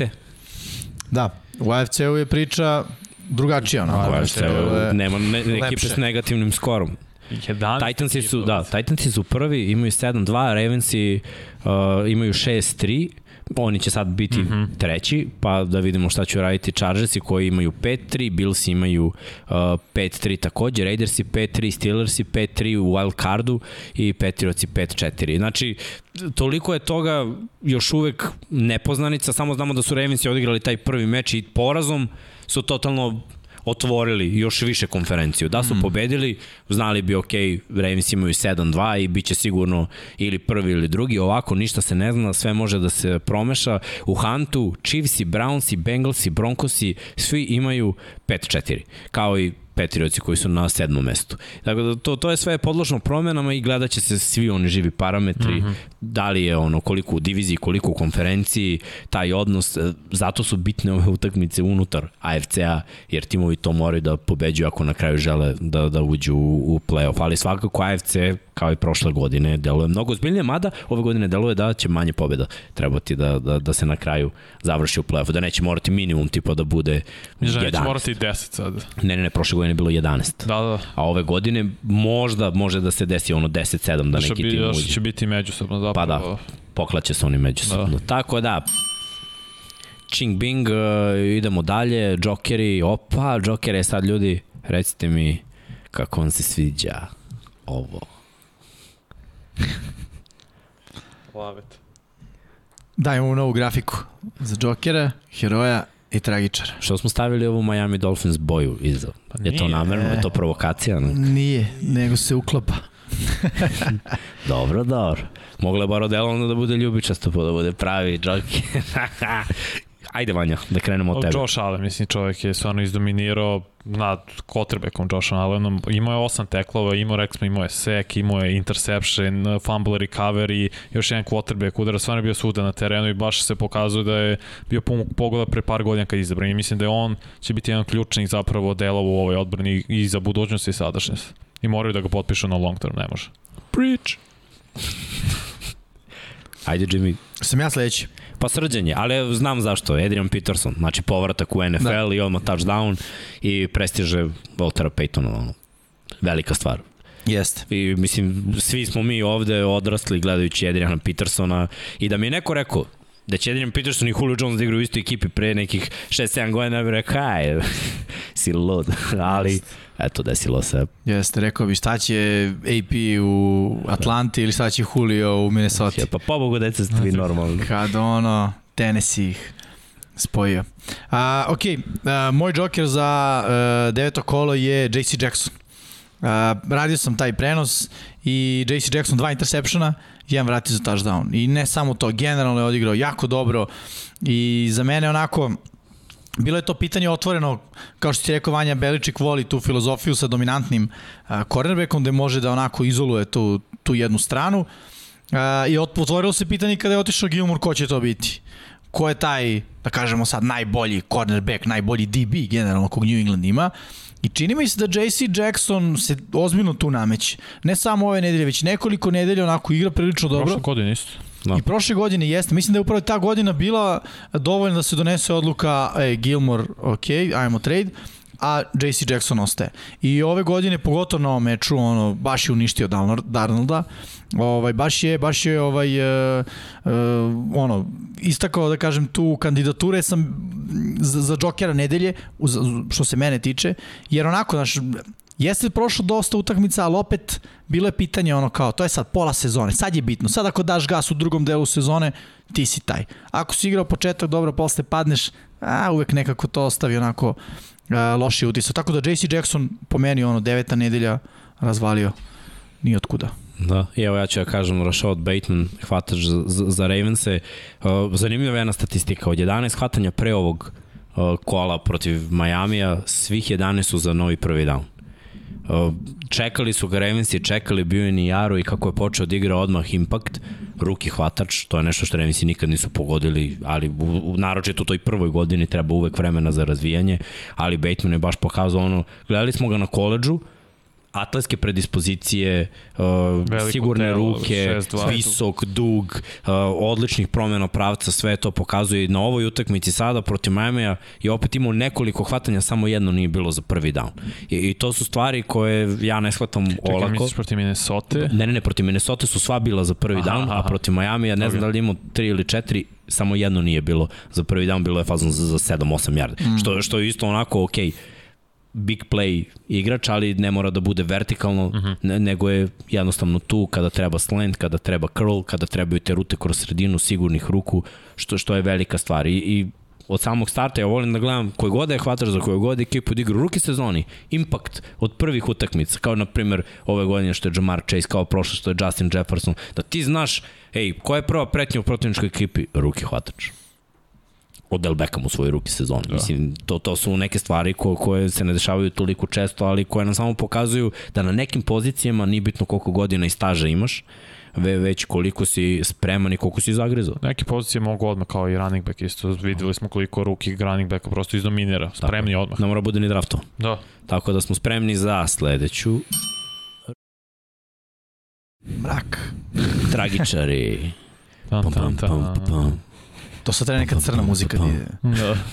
Zašto? Pucaj, Pa. pucaj Pablito. Zato što i tu imamo novu grafiku. Došao đavo po svoje. Bili đavo, to je, šta se zove, Grim Reaper po svoj tim. Tako je. Ajde, ja ću da počnem. Sam Darnold, baš i đavo došao po svoje. M je odigrao jako loše, M se povredio. I sad će mnogi da misle zbog ove kapuljače da pričaš kao Belički. Kao bil. Aha, pa dobro, eto, što da ne. Ali stvarno Darnold je po meni baš onako odigrao tragično loše i kao što rekao, čini mi se da je ovom utakmicom uh, pokazao da nije kalibar. I uh, dokaz to ćemo kasnije da, da pričamo detaljnije malo, ali dokaz tome je i to što su odlučili da vrate Kema Newtona, znaš. No. To je ono kao, ej, nismo našli pravo rešenje, od Kema bar znamo šta ćemo dobijemo. Od tebe ne znamo. Jedne nedelje možda, druge nedelje možda ne, nama to nije dovoljno dobro. I okej, okay, jeste se povredio i kao sve, ali znaš, ako Kem bude igrao dobro, ja iskreno ne očekujem kad se Darnold oporavi da on sad kao, e kao vraćaš se ti na mesto vozača Kem. Kao, to je najbolji igrač u franšizi, to je mlada franšiza. To je franšiza koja je, da kažem, u svojih prvih 20 godina dva puta igrala u Superbowlu, jednom zbog tog isto Kema koji je bio MVP lige. Tako da ono, ako gledamo neku istoriju, Kem kada bude zaigrao taj prvi meč, publika će biti u Delerem, na domaćem terenu. Na, naravno, on će dati loptu tamo na tribini, kreće nešto džuska, bit će ono, ogromna energija s tribina. I to su lepe stvari, ja to obožavam u sportu, te momente. Znači, nije mu išlo u Petriocima, ovo predsezona je bila solidna, dolazi sada nazad u, u svoj tim. Mislim, Steve Smith je isto dobio ono Ring of Honor, Da. po, počasti prvi u, u Karolini, Kem sledeći. Znači, kad Mm. završi karijeru, to je to. Znači, tolika je on legenda u, u Karolini. breaking news. Kamara out Pa dobro. protiv Titans. To je za deseto kolo. Da. Da, pa ne, odmah kažem, sam je odmah stigao. Ništa, ajmo dalje, ajmo dalje na tragičare. Ajde, Vanja, pucaj. Buffalo napad, Buffalo je stvarno bio grozno. Od najboljeg napada i skoro 4 yardi pre ovog meča, 33 poena, ti taj sveden jedva na 300, 6 poena, imao si čak 12 grešaka u napadu. Znači 12, uh, 12 puta je bio penalty, to je nedopustio, stvarno Dable mora opet na drawing board iz početka sve ili možda je prosto se desilo tako, znaš. Ok, desi se svima jednom, pa ćemo vidjeti da li će biti trend ili će odbor narodnog kola da se vrati na normalu, da budu opet jedan od najboljih i najpotentnijih napada. Šta se desi u Jacksonville, ostaje u Jacksonville. TGIF se to. Ovaj, da vidimo šta je Srki, specijalni tim Green Bay, ne moramo da pričamo, znači prvo ovaj Mafovan punt i dva promašena field gola, Da, to je dovoljno, a moj tragičar, Dallas Cowboys, zbog, zbog svega što smo ispričali, nema potrebe da se ponavljam, ne možeš da podceniš tako protivnika, ne možeš uh, da ne koristiš prilike za postizanje poena jer želiš veće, ko hoće veće, izgubi ono iz vreće, Tako je. a mi smo spremni za novu rubriku. Pozitivniju rubriku, a to su heroj deveto kola. Pablo Pa, pa, Pucaj. pa, pa, pa, pa. Zar nije heroj, brate? Da, Pravi, da je. Dobar, mnogo baš je dobar. Ajde, ko će miks, ti počni sad. Ajde, može. Uh, Pat Fryermuth i Titan Pittsburgh Steelers sa dva touchdowna na ovoj utakmici. Ono nije prva utakmica da, da on vadi. Jeste sećate onog momenta kada u Steelersima igrao Hit Miller? I kada je bilo ono uhvati loptu i visi ono hit, mm. e sad je mood. Ali ovaj, pazi, kad je dečko ulazio, sam gledao ono highlightove s koleđa i naš, taj tend je, nije, Jeste. nije pic, Da. nije receiver, Da. u te, nije voler. Voler i Pitt su ono receiveri, samo su ono u telu taj tenda. Ali pokretljivost im je drugačija. Isto kao Mark Andrews i Travis Kelsey. Oni nisu u telu receivera, ali onako imaju neku kretnju koja je baš nekarakteristična za taj tend. Ovaj dečko se kreće kod taj tend, blokira kod taj tend, ima sigurne ruke. Neka hvatanja ove sezone.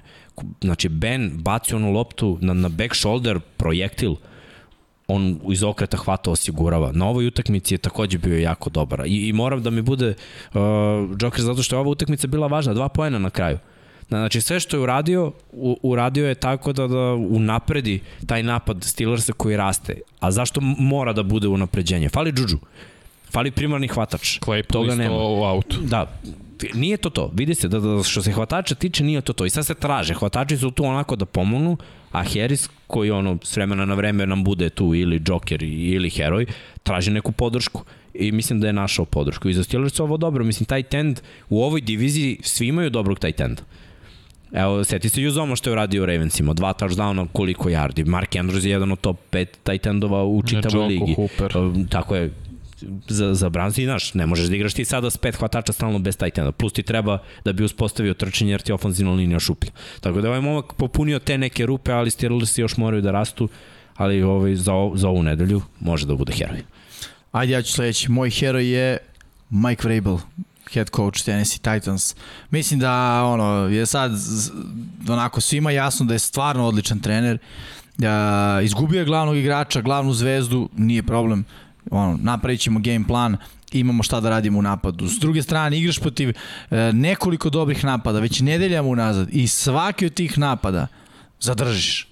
Ok, nije sa kao zadržiš da daju 10 poena ili 14, ali zadržiš ih tako da tvoj napad uradi dovoljno, odnosno više od toga i da pobediš meč. I po meni ono, Vrabel stvarno izrasta u ozbiljnog glavnog trenera i neko ko će ono, ako ostane u Tennessee, da budem iskren, ne vidim razlog zašto bi, zašto bi išao, osim ako se dese neke John Gruden stvari.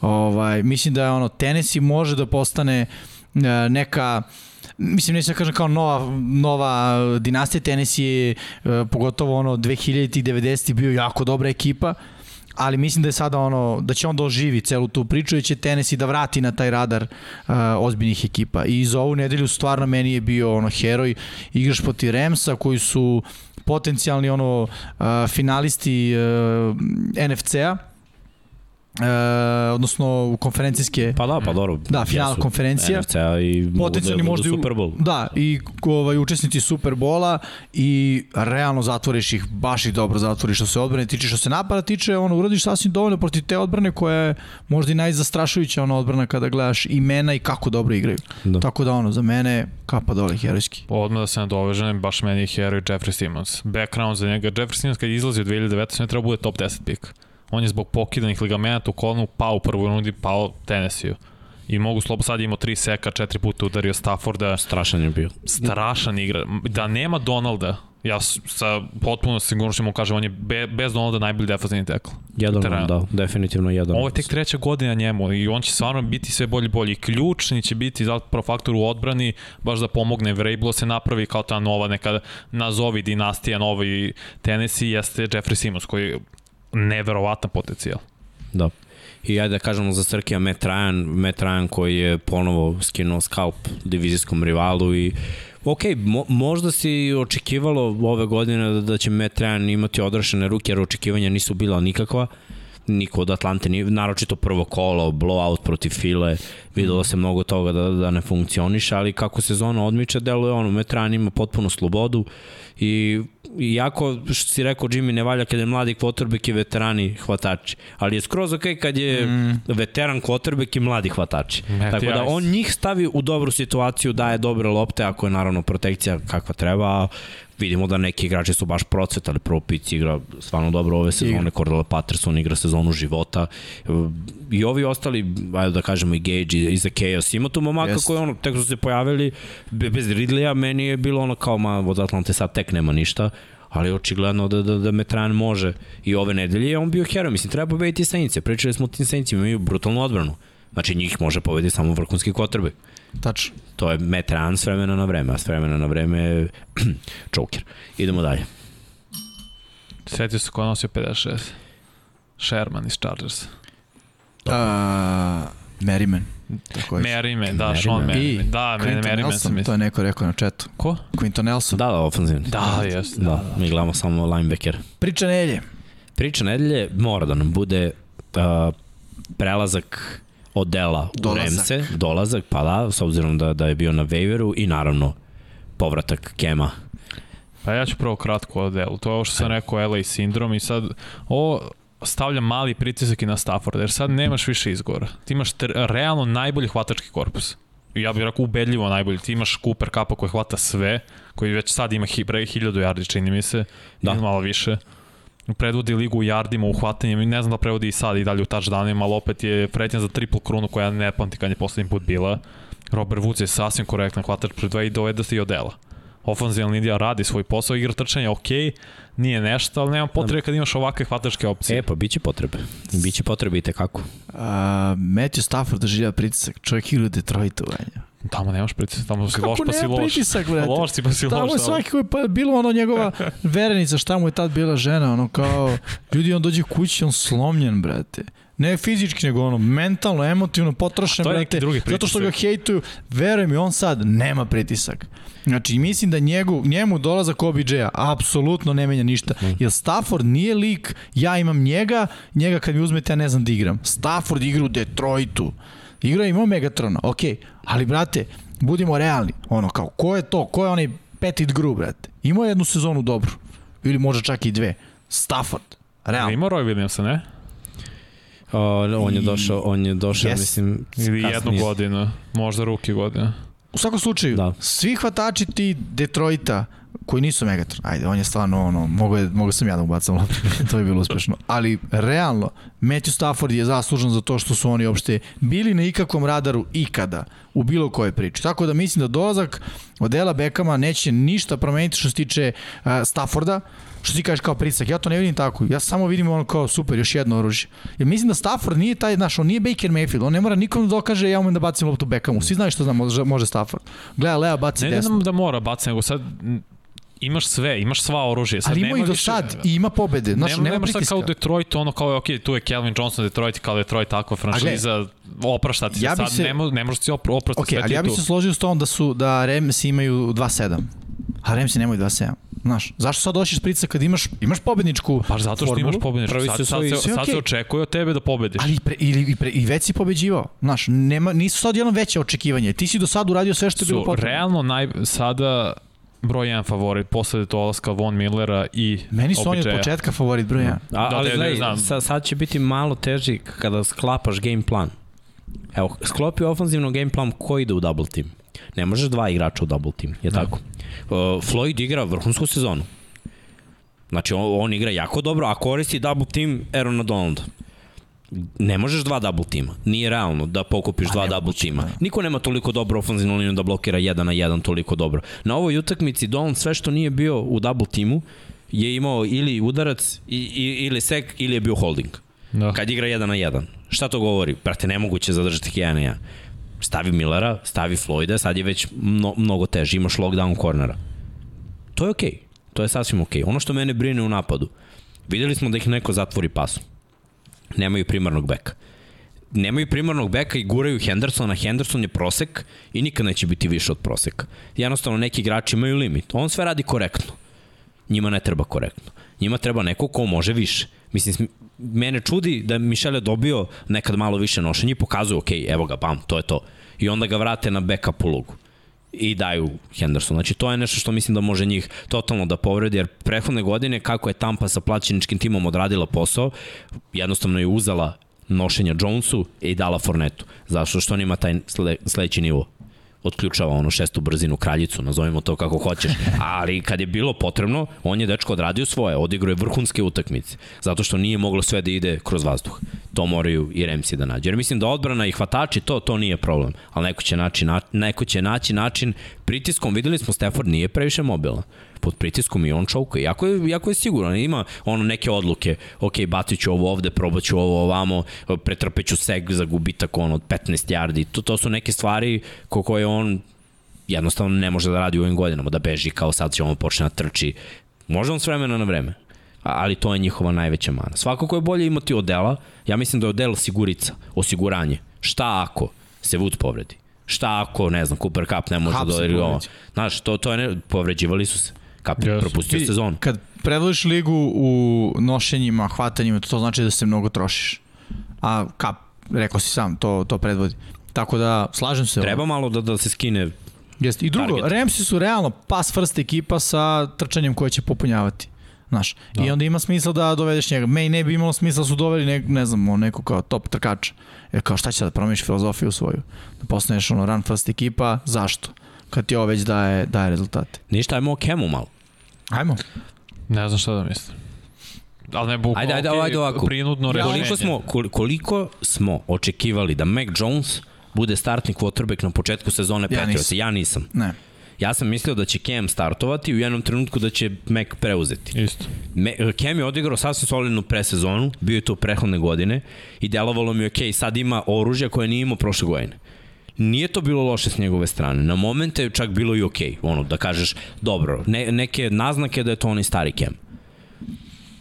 Nisam siguran da je Sam Darnold bolja opcija. Iskreno, Sad Cam se nije. bar u nekim trenucima ne plaši. I mislim, ako je Sam Darnold mogao da istrči 4-5 touchdownova, mislim, može i Cam.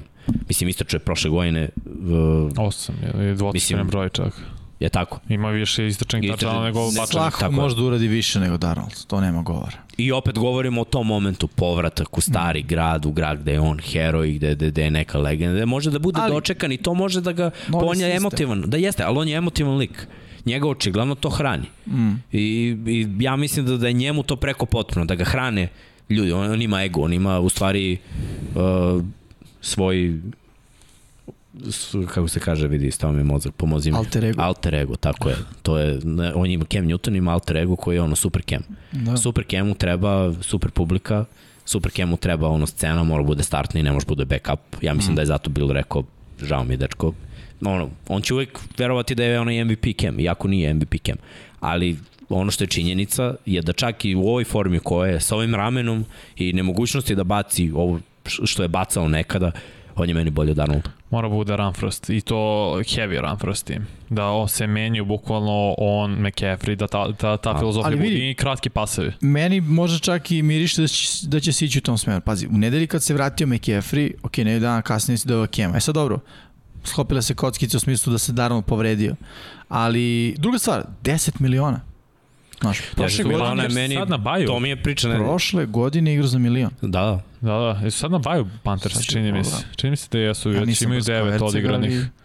Da. I ako jesu, to bi se onda idealno zapravo bilo da uđe malo u sistem, da ako ne igra ove nedelje, da se uklopi i onda ima čitavu i malo više nedelju dana do sledećeg kola. Nedelje broj 13 je baj. Uf, jasno mi se sad. Igra odmah protiv Cardinalsa odmah. Uf, Boom Krštenje, Da. da, vatren, baš. pakleno. Pakao. E, ma, ako je Miami dobio, ako je Jacksonville dobio, nećemo ništa. Ali ono što, što, bih, što bih ja još samo istakao, a to je što se tiče Newtona, da, ima smisla da budu run first ekipa sada, kao što rekao McCaffrey je tu, ali Cam će da im da ono što im Darnold uh, nije dao, a to je bolje smeštanje lopte za, za hvatače. Možda ne toliko vertikalne opcije, videli smo da se Patriotama muče. Stvarno misliš da Cam bolji... Za on- kraće opcije, pa šta je Da. da. Darnold pokazao? Darnold namesti DJ Moore na rutu od 5 yardi, ono kao daj nemo se Da, zezati. dobro, opet ne. To mogu ja da da- Cam da-. Dobro, možda je bilo ono 2 od 2 na tekmika. Mislim, pazi, vidjet ćemo Ček. a, novi sistem. To je ono što, novi trener. Naš Kem nije igrao za Rula. I to je isto. I to sad, Da. znaš, moramo da vidimo da li će Rul da kaže imam Kema, ajde da malo nešto promeni. Će kaže Kemu vidi ovo je moje, ovo treba da naučiš. To su sad isto naše stvari, ono, Sumnjam da će on dati slovo, to je college trener. A ovaj... misliš da će se prilagoditi Kemu. A, dobro, Kem je sad u situ, gledaj, za 10 miliona vraćaš se, dobijaš šansu, igraš za svoju franšizu, čak i ono, super Kem može da postane opet Cam Newton. Pa dobro, da jeste. završim u tim. ne znam, baš me zanima, iskreno, jedva čekam da odgledam meč protiv. Cardinals. Ajde da najavimo deseto kolo i, Ajmo. i, i da vidimo Šta koji nas to izdvojili? mečevi čekaju. 5-4, 5-4, Sever protiv Istoka, Brownsi protiv Patriotsa. Utakmica koja će odlučiti koji od ovih timova ide gore u wild card slici, a koji ti može potpuno da ispadne iz wild card slike. Uh, Browns imaju tu jednu pobedu u nizu, uh, pobedu da Na, nizali su jednu pobedu. Dobro, čekaj, bez odela. Ovo je era posle odela. Posle odela. A ovaj, za Patriots s druge strane, ono, niz je malo ozbiljni. I, I možemo da kažemo da su se oni baš probudili, pronašli neki svoj identitet, dok Brownsi možda jednostavno povrate identitet prošle godine. I. Sa- Stefanski je tu, čitava ekipa koja je bila prošle godine je tu, ništa se nije promenilo i ovo smo očekivali u stvari od Brownsa, je tako, da budu dominantni protiv tipa Bengalsa i drugih ekipa. E, ovo je ekipa koja može da ti pomrsi račune, može da bude i playoff duel. Šta radi ova zapravo ekipa Patriota najbolje? Šta Bill Belichick kroz cijelu karijeru radi najbolje? Game plan. Tako, oduzme ti najboljeg igrača. Što u ovom slučaju ima da ti oduzme Trčanje. trčanje? Što znači ok, Baker, izvoli, pobedi nas. Ali igra čekaj, čekaj, čekaj, Igra. čekaj. Ne, to je njegova, to, to je njegov cilj. Da, to da Šta li se misliš, desiti? da li on može da zustavi s ovom ofanzivnom linijom trčanje? Ne. Da. Jer gledaj, bilo Dešavalo je, se. bilo je nekih ekipa koji su trčale protiv Patriotsa da, da. Bill nije imao rešenja. Dešalo se da Chubb prosto ima loš meč, da igra trčanje. Rekao ne postoji. Uh, kako si rekao? Breaking news. Breaking news. Čab ne igra. Covid lista. Opa. Aj, ja, znači, ništa. Baker, Ajmo. što znači oduzimam Landrija. Da. Dobro, gledaj, Koga? sa Ne, ne, ne, mislim da će onda napadne Bakera direktno. Biće on Sam Darnold 2.0. Da, Da. Pazi, sa sekundarijom Patriotsa i Čabom koji ne igra, mislim da, da, da ovde A, Patriotsi Darren imaju. Johnson? Još se igra, još se igra u, Žilet. u, na žiletu, da, da na u Foxboru. Bostonu, da. A Ernest Johnson? Pa bi bio je tih prošle, prošle kola. Gledaj, To je sad ono, možda je bum. ovo je, E, ali gledaj, on mora bude tih kad igra Chubb. Da, da, ali gledaj, ovo je odbrana, odbrana koja zna da zustavi i trčanje i pas. Odbrana Patriots je legit odbrana ove godine, to moramo da kažemo. I I čak u ovim utakmicama koji su gubili, bili su okej. A mislim da su se sad tek uigrali. Da, gubili su da se razumemo od ekipa koji imaju high powered offense. Znači, Tampa koja daje svima 30. 30 Dallas isto. je, 30. Vidi, a, mene je Johnson ubedio da može da bude dobar trkač. Kad je broj 1. On kao rezerva, kao taj second punch nije dobar, zato što ono, nema, čini mi se to iskustvo koje recimo ima Hunt, da može da uđe i da na malom broju plejeva ono provali šta radi, šta radi odbrana. Tako da Ja... S kim su beš oni igrali taj? Da li je bio Denver. Thursday ili Monday? Denver. Denver. Denver, da. E, to mi nije pokazati. Da. Ok, ok, nije, ali to je ista, ista, ajde, odbrana Denvera koja je zaustavila Dallas. Tako je. Kad je otišao Miller. Viš koliko je. Da. e, lepo je Zrki rekao da ovaj naslov treba da Neko, svi su, svi su pobedivi, sve je moguće. Tako da nećemo nikog da otpišemo. Važno je. Meč je važan. Postoje načini jedni i drugi da budu dominantni i postoji načini jedni i drugi da, da uprskaju sve. Jeste, ali šta, šta ja ovde vidim? Čini mi se da će odbrana Clevelanda da neutrališi to trčanje Patriota i da će onda Patriote krenuti da igraju igru kroz vazduh. E sad ono što im ide na ruku je da, istina, možda Cleveland neće moći baš tako lako da uspostavi neku dominaciju, ali a, kako se to kaže, distrakcija, pod navodnicima, zvana Beckham, više nije tu. Ok? Jer videlo se, gledao sam, ni- nije Beckham distrakcija kao distrakcija, ali mene ne može niko da ubedi, gledao sam neke klipove da ono, Baker iz nekog razloga, znaš, ne gleda Beckhama kao neku opciju. Znači, ono, X cross šema napada, gde je Beckham X, znači akcija dizajnirana za njega, ide onaj shallow, a, sam je, Baker ne traži njega, traži dublju opciju, znaš. To mi baš nema smisla. E sad, u mojoj glavi to je jedan receiver manje. Sad kada on nije tu, to više nije jedan receiver manje. Znači neki drugi receiver koji to trči, bam, dobit će loptu i to su, to su ovaj, pozitivni jari za Browns. Ovo će biti duel dve odbrane i moje mišljenje je ono odbrana koja bolje zaustavi trčanje druge ekipe će da bude U koju- zaslužna za pobedu U svoju. koju odbranu više veruješ nakon devet E kola? sad vidi, logika kaže u odbranu Patriota. pitam te ovako, subjekt, tvoje mišljenje. Da, odbrana Patriota, ali O. s druge strane, šta kaže šta kažu neke možda brojke, a to je ako Patriotama zaustaviš trčanje, teraš ih da ruki kube, igra igru ono, većeg broja pokušaja dodavanja. Što ne znam koliko je pametno. Baker jeste Baker, ali ako Clevelandu zaustaviš trčanje, mislim da ipak sa svim tim uh, imenima i tom nekom šemom i ritmom koji imaju u napadu, mogu više da naude nego, nego pas igra uh, New Englanda sa druge strane. Pa ono što je sigurno da Cleveland ima najboljeg igrača realno terenu, to je Miles Garrett. To je jedino njima ide u plus ako gledaš odbran kompletno. Denzel Ward je ozbiljno cornerback, ali kao tim, kao odbrana koja piše izabrao New England zbog Bill Beličeka. Što Da, njegov sistem, šema. da. Njegov Mislim, šema gledaj, će zaustaviti prosto bolje Odličnog nego... grašara neutrališeš Tako je. trčanje. Ajmo dalje. Ping.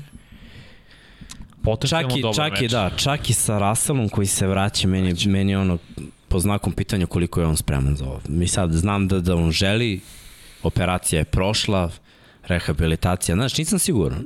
Nisam siguran koliko je ono, to, to je ipak prst bacačke ruke. Jeste. Uh, Packersi su pokazali da imaju rush i, i da imaju ove mlade udarače linebackere. A samo jedno sada, šta kao, Wilson čuči u džepu, pa mu kao smeta rush.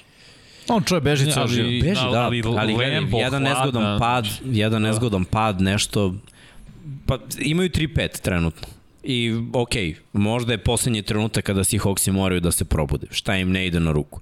Treba da se probude protiv možda najboljeg tima tima koji u stvari pobedio najbolji tim u NFC-u, ajde tako. Izgubili su utakmicu bez Aarona Rodgersa, izgubili su prvu utakmicu i vezali sedam pobeda. Tima koji ima trčanje, tima koji ima pas igru i tima koji, ajde možemo kažemo, ima neku ok odbranu sada. Seahawksi nemaju ok odbranu. Seahawksi su šuplji. Ove godine mnogo je utakmica bilo da je ta odbrana bila pogubljena. Uh, Rush nije onakav kakav je bio, secondary je pogubljen, mogu to slobodno da kažem. Ofanzivno trčanje nije na visini zadatka. Alex Collins ima momente, on mora da bude prvi bek, pa onda ovi ostali momci. To je definitivno što se hvatačkih opcija tiče. Kada Wilson igra, možda se probude. Ali, da li će to da bude protiv Packersa? Nisam siguran. Ono što je moranje za Seahawks, oni ovakve utakmice obično rešavaju. Poslednji meč, ako se ja sećam, je bio baš u play-offu kada je Seattle dobio filu pa otišao u Green Bay, gde nisu imali trčanje, da su Packersi zaustavili njihovo trčanje i na kraju ih pobedili, jer Wilson nije mogao da, da premosti tu prepreku. Sličan scenarij ja očekujem u ovoj utakmici. Ja, ja mislim da će ključno biti da igra dugih paseva uh, koji će Wilson sada donese, sa Ginom to nije postojalo. Uh, I ono, seti smo se sekundarija Packersa koji, ajde, ok, ove godine možda toliko i ne, ali prošle godine pogotovo, ono, naš, čoukuju na dugačkim uh, rutama kada treba. Uh, ok, nije sada kao da njima nešto ovde gori, da im sad kao treba, pobeda kao ne znam šta, ali bit će ovo ono statement ako dobiješ Seahawks kad se vratio Russell Wilson. Znaš, ideš i na 8-2, Uh, bliži si Cardinalsima, ističeš ono kandidaturu da si jedna od ono 3 4 najozbiljnije ekipe u NFC-u, tako da ono, super im je da pobede, ne verujem da, bi, da je poraz ovde opcija, pogotovo što bi to bio drugi za redom, poraz još sa Aaronom Rodgersom koji, koji igra kao prošle nedelje si Ja sigurno igra, samo to nigde nije bila Nije nije sigurno. informacija. Nije Nije sigurno. sigurno, da. Nije još bila informacija Treba da 10 dana sigurno- da prođe. Ja ne znam kad je bio prvi dan, kad je bio Mislim da je tester. bio utorak. Uf, prošli. Ili sreda, aha. Pa dobro, opet to je subota. Pa mora, gledaj, mora da se testira. Mora da ima dva, mislim. dva negativna testa Da, da, pred. posle 10 dana. Ako igra Rodgers, mislim da će biti motivisan i on i Green Bay da pokažu kao ono je bila slučajnost prošle nedelje. ako ne igra, Maco, Uf, prilika. Rodgers je rekao da postoji šansa, ali mala šansa. Da, da, ne. neće igrati, da. Da.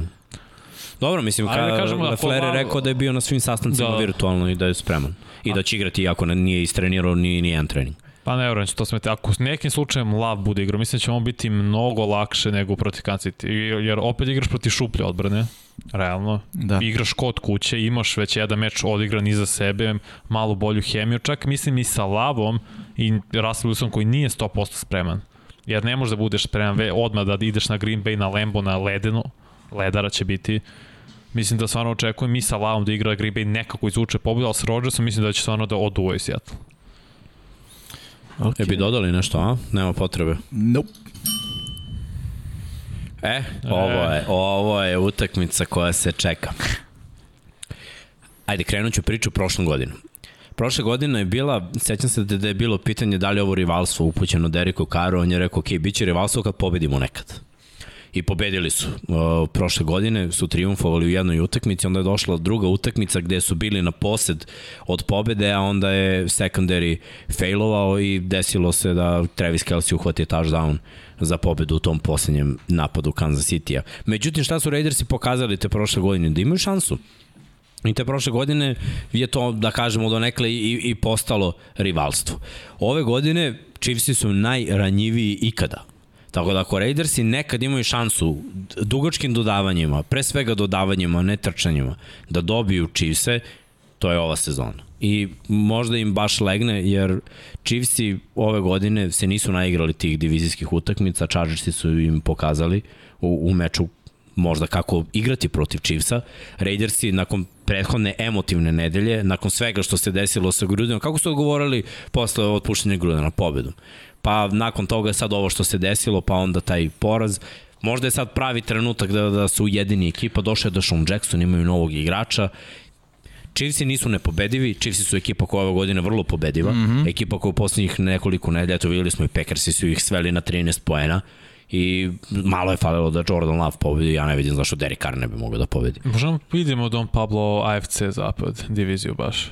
To je isto kao jedina divizija pored NFC, AFC severa gde pet ekipa, četiri ekipe imaju pet pobeda. Da. I, ba, I divizija će biti ključ ko će zapravo otići da. u play-off. Samo je mala razlika u prva dva gde je ono 5-3, da. ali ono 5-3, 5-3, 5-4, 5-4. Chargers jedini imaju u diviziji uh, dobru situaciju, ali u konferenciji Raiders imaju bolju situaciju. I ako Šokantno govorimo... 4-1. Tako je, ako govorimo o široj slici, kažem, dobili su Ravense koji su ono, za sada prvaci svoje divizije, to je to je bila bitna pobeda, dobili su Steelers ako se ne varam takođe. Da. Znači to to je polako čišćenje druge najjače divizije u konferenciji, što je za njih dobra stvar, ali pogledaj Chiefs 1-4. Pa ka. Znači oni ako treba da idu ono u, u hunt, mnoge ekipe mogu da, da, da ih reše ako ne poprave taj Moraju konferencijski skor. Chiefs izgledaju loše. Da, Definitivno izgledaju loše. Ja sam prošle nedelje odustao od njih. Ok, požurio sam zbog Jordana Lava, ali ove nedelje stvarno ne vidim ne vidim ono zašto ih Raidersi ne bi baš dobro pobedili.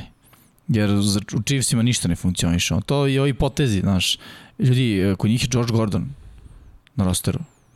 Znaš. Da, da, igra, nije na rosteru, igra. Pa mislim, ok, ali da, da, mislim, igra, ali non, non fact. Uđe, uđe u igru i kao... Svaki hvatač, svako neko ime kad nešto se oslobodi, oni su priče ga potpiš. Šta to znači? Nemoj, ne znaju gde je bio. Realno ne znaju gde je bio. Čekaju spasitelja čekaju nekog dođi da razdvoji more. Čekaju se Mahomes vrati u svoj Ma nema normal form. Ne, Mahomes... oni čekaju da li će to biti ove godine, to je nešto drugo, jer realno... Neće biti, nije. po moje mišljenje, naš, neće biti 100% ove godine, jer nije to, nije Mahomes zapao u krizu. Chiefs su u krizi. Mahomes prosto nije u krizi uh, i Andy Reid kao trener, znaš, moraš da znaš šta ide, šta ne ide, da skineš teret sa nekog igrača kada treba se skine teret, da nekog opteretiš dodatno. A, to što Edward Ziller ne igra je pokazalo se veliki problem za, za Chiefse. Uh, oni očigledno ne vide ni u kom drugom neko rešenje na poziciji trkača. Pa kao trčanje... Williams, šta znam. Da, da, ali... Da, da je on neko ali prelazno je, rešenje. E pa to, znaš, prelazno rešenje u kojem ne veruješ neko, aj trčimo sad, ono, ne može puno štete da bude, ali mi smo ono, pas, pas first ekipa i ono, to, to je moje mišljenje, da, da, da prosto Raidersi ono, moraju da dobiju ne samo da je dobar moment, nego su trenutno i bolja ekipa. No, trenutno Čist. jesu bolja ekipa. Mislim, i skoro govori da su da. bolja ekipa. To je to, ne bi ništa. To je to. Bang. Vrlo zanimljiv meč. e, playoff implikacija. Da, a jeste. Ali, moramo da budemo malo realni. Nakon ovakvog poraza, ekipa koja je, ok, ima rešenu sliku u svojoj diviziji, ali ovo je ipak konferencija i moramo malo da pričamo i o tome šta se dešava u konferenciji. I deluje mi da, da Dallas nakon ovog poraza sad mora da, da odgovori bolje. Kad je usledio njihov prvi poraz, bio je dobar odgovor, je tako? Nakon prve da. utakmice. Da.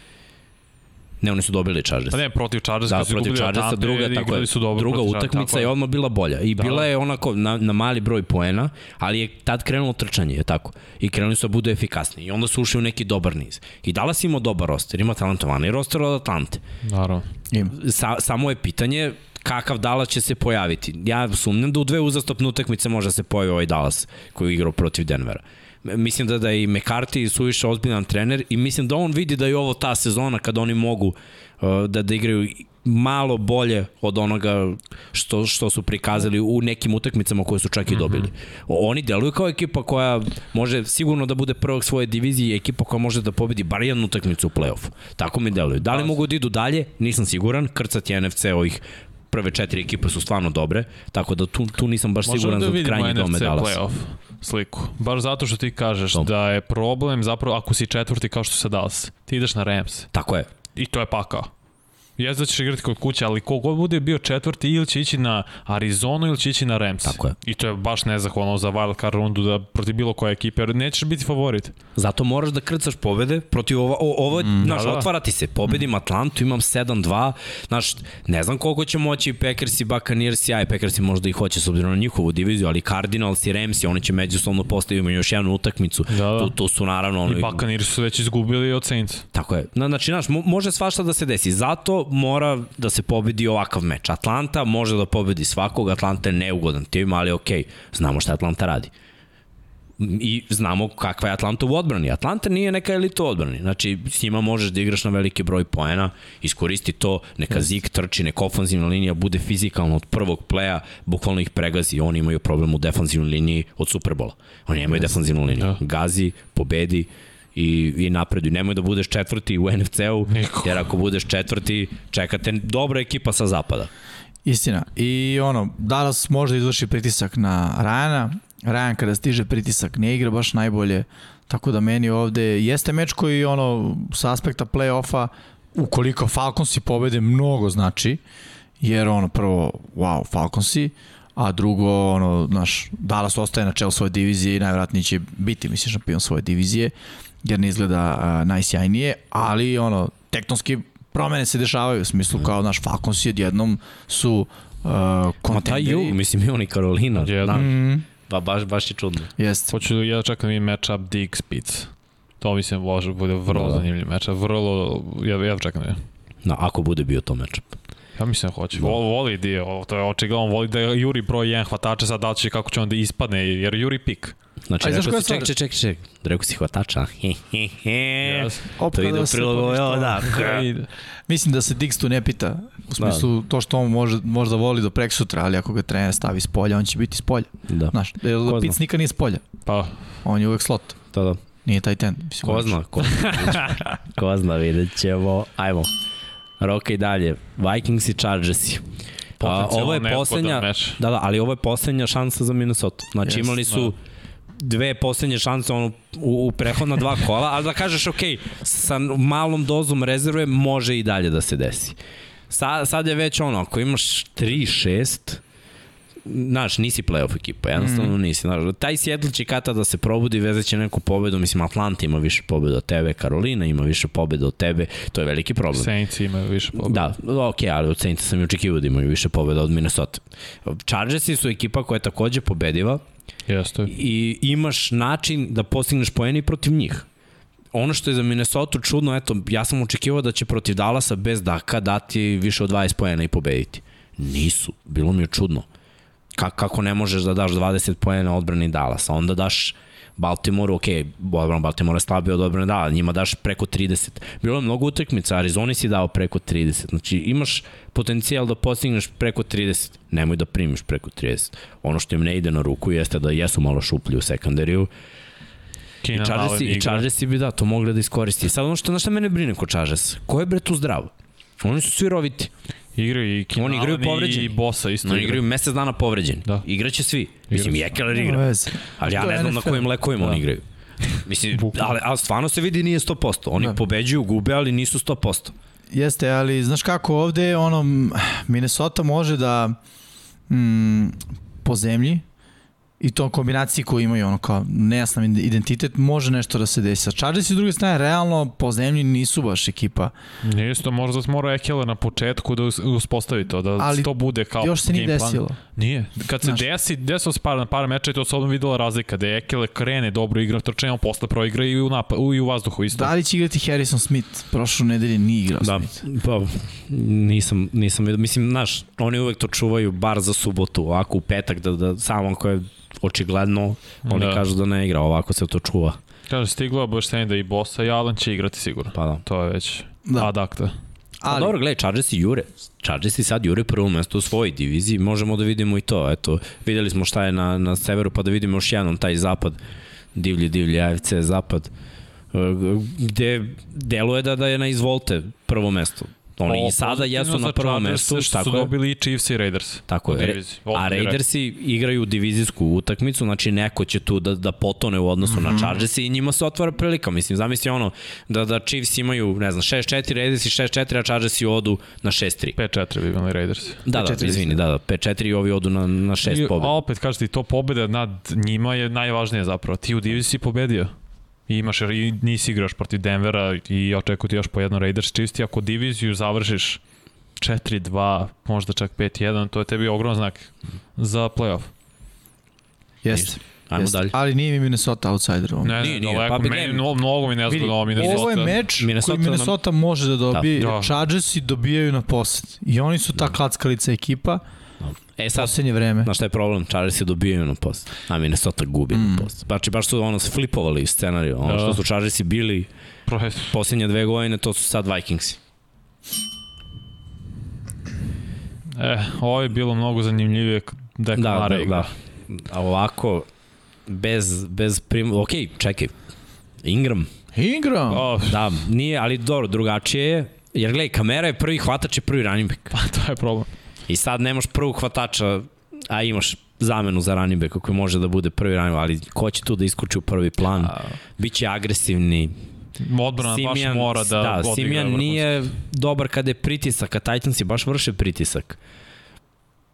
Znači, nekako bi ja to sveo na, na, na, na samo na poziciju quarterbacka. Od koga očekujem bolju partiju sa oružjima koje ima, a to je definitivno Tenahill u ovom matchupu, jer oružja koje ima Simijan nisu dovoljno dobra protiv odbrane Titansa, s druge strane odbrana Saintsa je bolja, ali Tenehill ima s kim da radi. Znači, ako se desi da Saintsi triumfuju, bit će onako baš timski. Simijan će da raditi svoje, neće gubiti lopte, odbrana će svesti Tennessee na neki minimalan broj pojena. Ovo je potencijalni minus na klači, po mom nekom mišljenju. Da, nije nemoguće. Jer će biti trčanje, te, Tennessee će Saintsi oduzeti, tako da gledamo Tenehill show, pa da vidimo koliko mogu Julio i Brown. Pritom, stavi u obzir da će Latimore da zaključe nekoga, a to će vjerojatno biti Brown. Pa dobro, da vidimo. Ajde da vidimo i to. Da li može Latimore da zaključa Dobro Browna što ili su Julio? Julio startao u fantasy. Da, pa. To ćemo tek da vidimo da, da, da li može da se desi. Svakako dobro, ovo je jedan od najneizvesnijih i još je, opet govorimo, ajde sad kad nije Drew, Drew tu, postoji neka šansa da ovo bude neki ludački Super Bowl, ali sumnjamo čisto. Mm, Da, nije ali baš. definitivno kad su ovako ukrsta AFC i NFC ne, nema pravila. Mnogo slabiji tim iz AFC ili NFC može da pobedi. To Tako su je. ekipe koje se uopšte ne poznaju. Tako je, tako je. I nije lako napraviti game plan protiv Saintsa, generalno. Mada, ne igra kamera, možda je malo lakše, ali Da. ono, očekujemo od Vrabela još jednu genijalnost. To. Ajmo dalje. Opa, idemo najave. Ravens Dolphins nismo upisali rezultat, drago mi je da je tako. I šta očekujete momci od ove? Aj, ja. Javlja mi Evo, se. častili. E, ćemo da pričamo malo, a? Moram. Ne moraš ako Ali nećeš. šta A pa? možemo hoću. malo. Hoć, E. evo ja ću samo kažem iskreno, znači Kaži. do četvrte četvrtine ono, dosadna utakmica. Dosadna Užasno. generalno. Grozno. Generalno dosadna utakmica, ono, i jedni i drugi, pojma nemam šta rade, 11,5 minuta pred kraj, rezultat je bio 6-3. Ma Da. Katastrofa. U trećoj četvrtini bez pojena. 3-0 Ravensi u prvoj, 6-0 Miami u drugoj i 0-0 u trećoj. Užas. Uh, prvo bih teo da kažem da Greg Roman i njegov njegova nespremnost na ovoj utakmici, podcenjivanje odbrane Majamija, to, to je kriminal. Ljudi koji zarađuju ovoliko para ne smeju biti ovako nespremni. Naravno, a jeste kratka nedelja, jeste sve, ali ti da, da se uopšte ne pripremiš i- da furaš svoju priču tvrdoglavo, bez obzira na, na to što ti ne odgovara šta protivnik radi. Protivnik blica sa dva defanzivna beka, najviše bliceva od defanzivnih bekova od 2015. godine, ti nemaš rešenje za to, Da. nemaš rute za to, pokušava stalno skrinovima. Pa druže, posle drugog, trećeg pokušaja, mislim da, da su svi shvatili da, da ćeš igrati skrinom protiv toga, ali to nije najbolje rešenje. Ne možeš da implementiraš trčanje, ofanzivna linija ti u rasulu, ok, dosta ljudi je tu povređeno, ali moraš da nađeš neki način. Kombinacija ruta, takođe katastrofa, to je konstantno ono, hitch out, slant out, hitch curl. Mislim, Steve Smith je to rekao, ja sam oplako, znači, jer on, ono, surovo iskren, ali, znaš, ovo je srednja škola, playbook, Mo, možda college. I ono, do, dođu neke utakmice kada se odradi Ali- domaći i kada bude bolje, ali kad se vrati ovako, kad ne ide, vratiš se na neke ono basics, neke osnove. Miami ima jako dobar secondary. To, to je najbolji deo Majamija, njihove odbrane. Nemaju više neki elitni front seven. Ali secondary je jako dobar, Xavier Howard, D. Rowe i ovaj mali Holland, bica safety. Jeste, uh, ali kažeš playbook ono srednje škole ili, ili college, ali to je skill set koji imaju. Mislim, realno. Pa nije. Bilo je par utakmica gde su se malo izašli iz te, da kažemo, ono, safety zone, gde je bilo bolje. I onda Ali- se ovde vratiš na, na, na nešto što ne ide. Znaš, u crvenoj zoni Ravensi su pre dve godine bili najefikasniji tim u čitavoj ligi. Sad su to Tennessee Titans, oni imaju 94-5% uspešnosti u crvenoj zoni. Gotovo uvek je touchdown. Ravensi to više nemaju. Zašto? Zato što je prvi down pass, drugi pa- down pass, treći down pass, a igraš isto. ono, unutra cross, ovamo out. Ne ide tako, mora budeš malo kreativniji, moraš neki motion, mora nešto da se uradi. I, tu dolazimo od ofenzivnog koordinatora. Znaš, on mora da uradi svoj zadatak i da Jeste, napravi neki novitet. Ali Baltimore spada po meni u one ekipe koje će često da imaju 7 ili 8 ljudi u protekciji i samo dvojicu, trojicu koji trče rute što automatski ti ono limitira šta možeš da uradiš. On imaćeš jednu rutu verovatno 10-12 jari dubine koja će da ono krosuje s jedne strane, traži rupu u zoni stane ili ako je man coverage full speed kao auto da to kotrek vidi. I drugu ide vertikalno. Mislim, pa da, vertikalno. I ono, postaje providno gledajući. Kad zaustaviš trčanje, a Miami je to uradio sa ono 6-7 ljudi na, na liniji skrimidža, svako je u gepu, ostani do kraja na svom gepu, šta god Lamar uradio, dao loptu, ne dao loptu, ispoštuj svoj zadatak i kada si tako ono strpljiv u svom zadatku, onda ćeš da oduzmeš to Baltimoru, a reći ćeš im pobedi na spasom. I kao što si rekao, Miami koji ima stvarno dobar sekundari, može da igra 1 na 1 sa njima. Ja, I to kako su, igrali. Fantastičan man coverage. I nisu bili u presu, ne znam da li si primetio. Da, da, nisu. Često su stajali off. Zašto? Zato što znaju da Lamar kad uzme loptu mora da ima taj svoj pap pap, pa da onda baci što u suštini Lamara, znaš, ti ćeš redko kada vidiš da Lamar baca uh, rute od yard 2, ajde kažemo 2 3 yarde dubine u sredinu. Redko kad. Realno. On takve rute baca na spolja. To su on skrinovi, to su bablovi, on to baca na spolja. Znači on uzme loptu okrene kukove na spolje i baci. Kroz sredinu, jako teško. Kroz sredinu to su 7 yardi, 10 ili nešto dublje. E, znaš da oni to rade, imaš dobar sekundari, povuci ih na 8 do 10 yardi, čekaj te rute da se desi i šalji blic. I naravno, niko ne se promaši Lamara, jer ako ga promašiš, imaš gadan problem. Jer ovi igra 1 na 1, a on je prošao tvojih šest igrača koji su krenuli u blici i ono, št, livada samo. Međutim, na ovoj utakmici nisu mašili. Dobro su ga kontejnovali. Do, trženje je bilo dobro zustavljeno i ono što je bilo prekretnica u meču, Xavier Howard, kog su Ravens i teli da dovedu u trejdu, ali verovatno je cena bila uh, nešto jača, koji on hvatanje Semija Watkinsa, iznuđen fumble, vraća fumble za touchdown, to je prvi touchdown u utakmici. Mm, da. Znači, kao što si rekao, bilo je dosadno i onda su Dolphinsi postigli touchdown, odlepili se, Ravensi pali sa samopouzdanjem, naročito odbrana koja se donekli držala, da kažemo, držali su protivnika na šest postignutih poena i čak i posle toga, jer taj touchdown nije bio touchdown napada, onda padneš i kreneš da praviš gluposti, prekršaje, da, da ono, pucaju big playevi na sve strane, a napad ti je nemoćan. Jer kad napad ima 10-0, to je 0 od 10 na trećem downu, šta ti to govori? Znači, Najgore. ti samo očekuješ od odbrane da, da radi svoje. Tako da Dolphinsi su odradili sjajan posao, Ravensi o, ovo čak i nije poziv za, za ono tablu za crtanje, dva poraza koja su osledila ove godine protiv Bengalsa i ovaj poraz su bile toliko ubedljivi, toliko ružna igra u, u, napadu i toliko nemoćni, da kad neko kaže da je ono Baltimore kontender za Super Bowl i najbolji tim u AFC-u, meni dođe da se nasmeje. Stvarno nije tako. Baltimore može da pobedi svakog, ali očigledno može i da izgubi od ovih slabih ekipa. U njihovu odbranu kratka nedelja, protivnik koji je E, ne. znaš i kao, ej, ajmo, ono, laganica. Mislim da će Baltimore izaći mnogo jači sledeće nedelje, jer imaju 10 dana između dve utakmice. Ovaj poglasam već je bio baj. Mislim da ide Chicago sledeće nedelje. Chicago jeste. Nisam siguran. Jeste, jeste. Da. Chicago, Ide. Chicago, poglasam malo pre raspored. Uh, ali ono, okej, okay, znaš, ako treba se oklizneš, oklizni se možda sad u ovom trenutku. Uh, jer možda više boli. Ja mislim da neko ih je više boleo onaj poraz od uh, Bengalsa. Ja imam problem što je, diviz, što je konferencija, što je još pa, jedan poraz u konferenciji. Tako je. Šta da se radi? Jeste, ali Baltimore puca na mesto broj 1 u svojoj diviziji. Mislim, realno. Zar ne? Pa da li mora pobedi divizijski rival? Jeste, ali... 0-1 za sada. Zna da ih pobedi. E sad, to da? Kratko o Miami, ono kao, Brissett, Tua. Grozno. Da Sean Watson tu, ja, ja Tuga. već vidim Watson. Da, da, ne, ja, ja vidim da, da, su, da je drugi, to je treći quarterback sledeće godine tu i, i to je plan Miami, 100%. Ništa drugo. Tu, a ono, u drugom sistemu, ne znam, ne, ne, nešto mora drugačije. Mislim, odradio je, odradio mislim svoje, privio utakmicu kraju, ali nije to to. Nije. Od, odradio nije. svoje zato što je pukao iz, iz motiona na, na jet sweepu 65 yardi ispravio da. dečku. Da smo imali play godine zato koji nije bio. Za touchdown linijaš. Da, da, da au, brate, kakav, kakav da, legend. Yes. Ka, kakav Avernes. Da. E, Brissett, vidi se mnogo veće iskustvo u odnosu na tu, ali opet ono, što bi se reklo, nešto mu ne da. Limit, pa da, limitiran. Limitiran, backup je, Limitirani su oboj, jedan i drugi. Obojica su limitirani i, i to je to. Ne, bi, ne bih više dužio. Da. Ajde vidimo dalje. Uh, Browns i Patriotsi smo rekli, Falcons i Cowboys i rekli, Bills i Jetsi, rekao bih lagano za Bills, ali ne smem.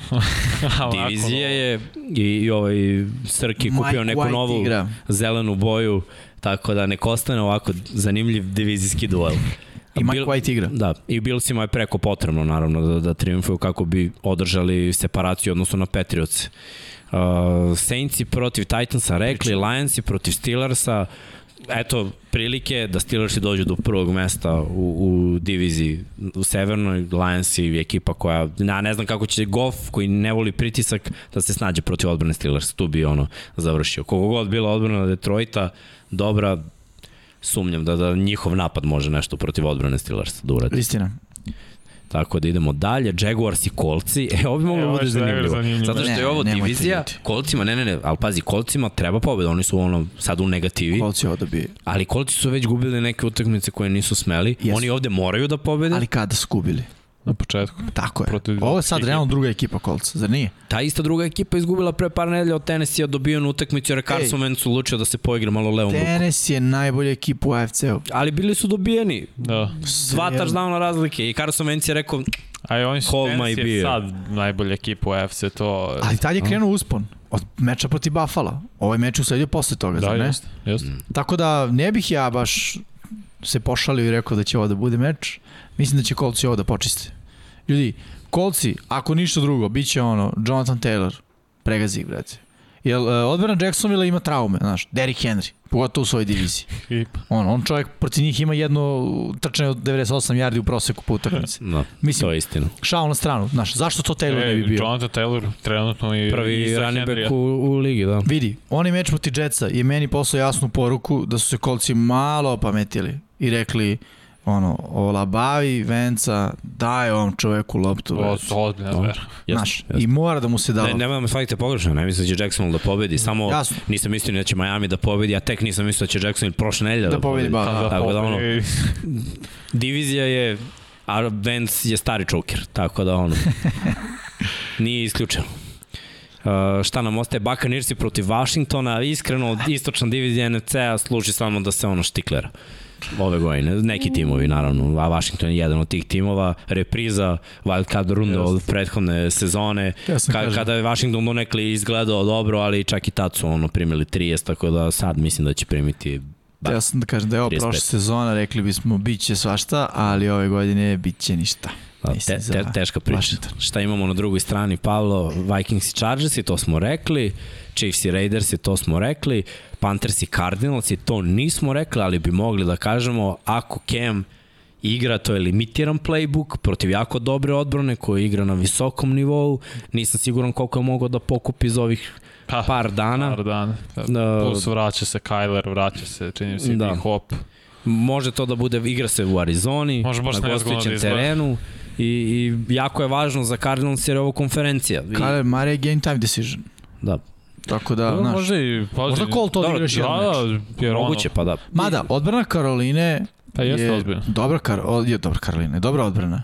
Da, o, Znaš, okej, Imaju, solidno je. da. Imaju i pritisak. Imaju, a imaju, me koji pod pritiskom ne igra dobro. stoji. Ali znaš šta je drugi problem?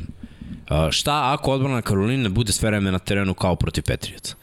Ili šta ako Cam, znaš, ne uklopi se, trčanje ne krene, Arizona to zatvori i onda stalno naš gledaš tu dobru odbranu kako brani pola terena. Pa onda, znaš, i nisu toliko dobri. Ne mogu da, da pokažu svoj potencijal.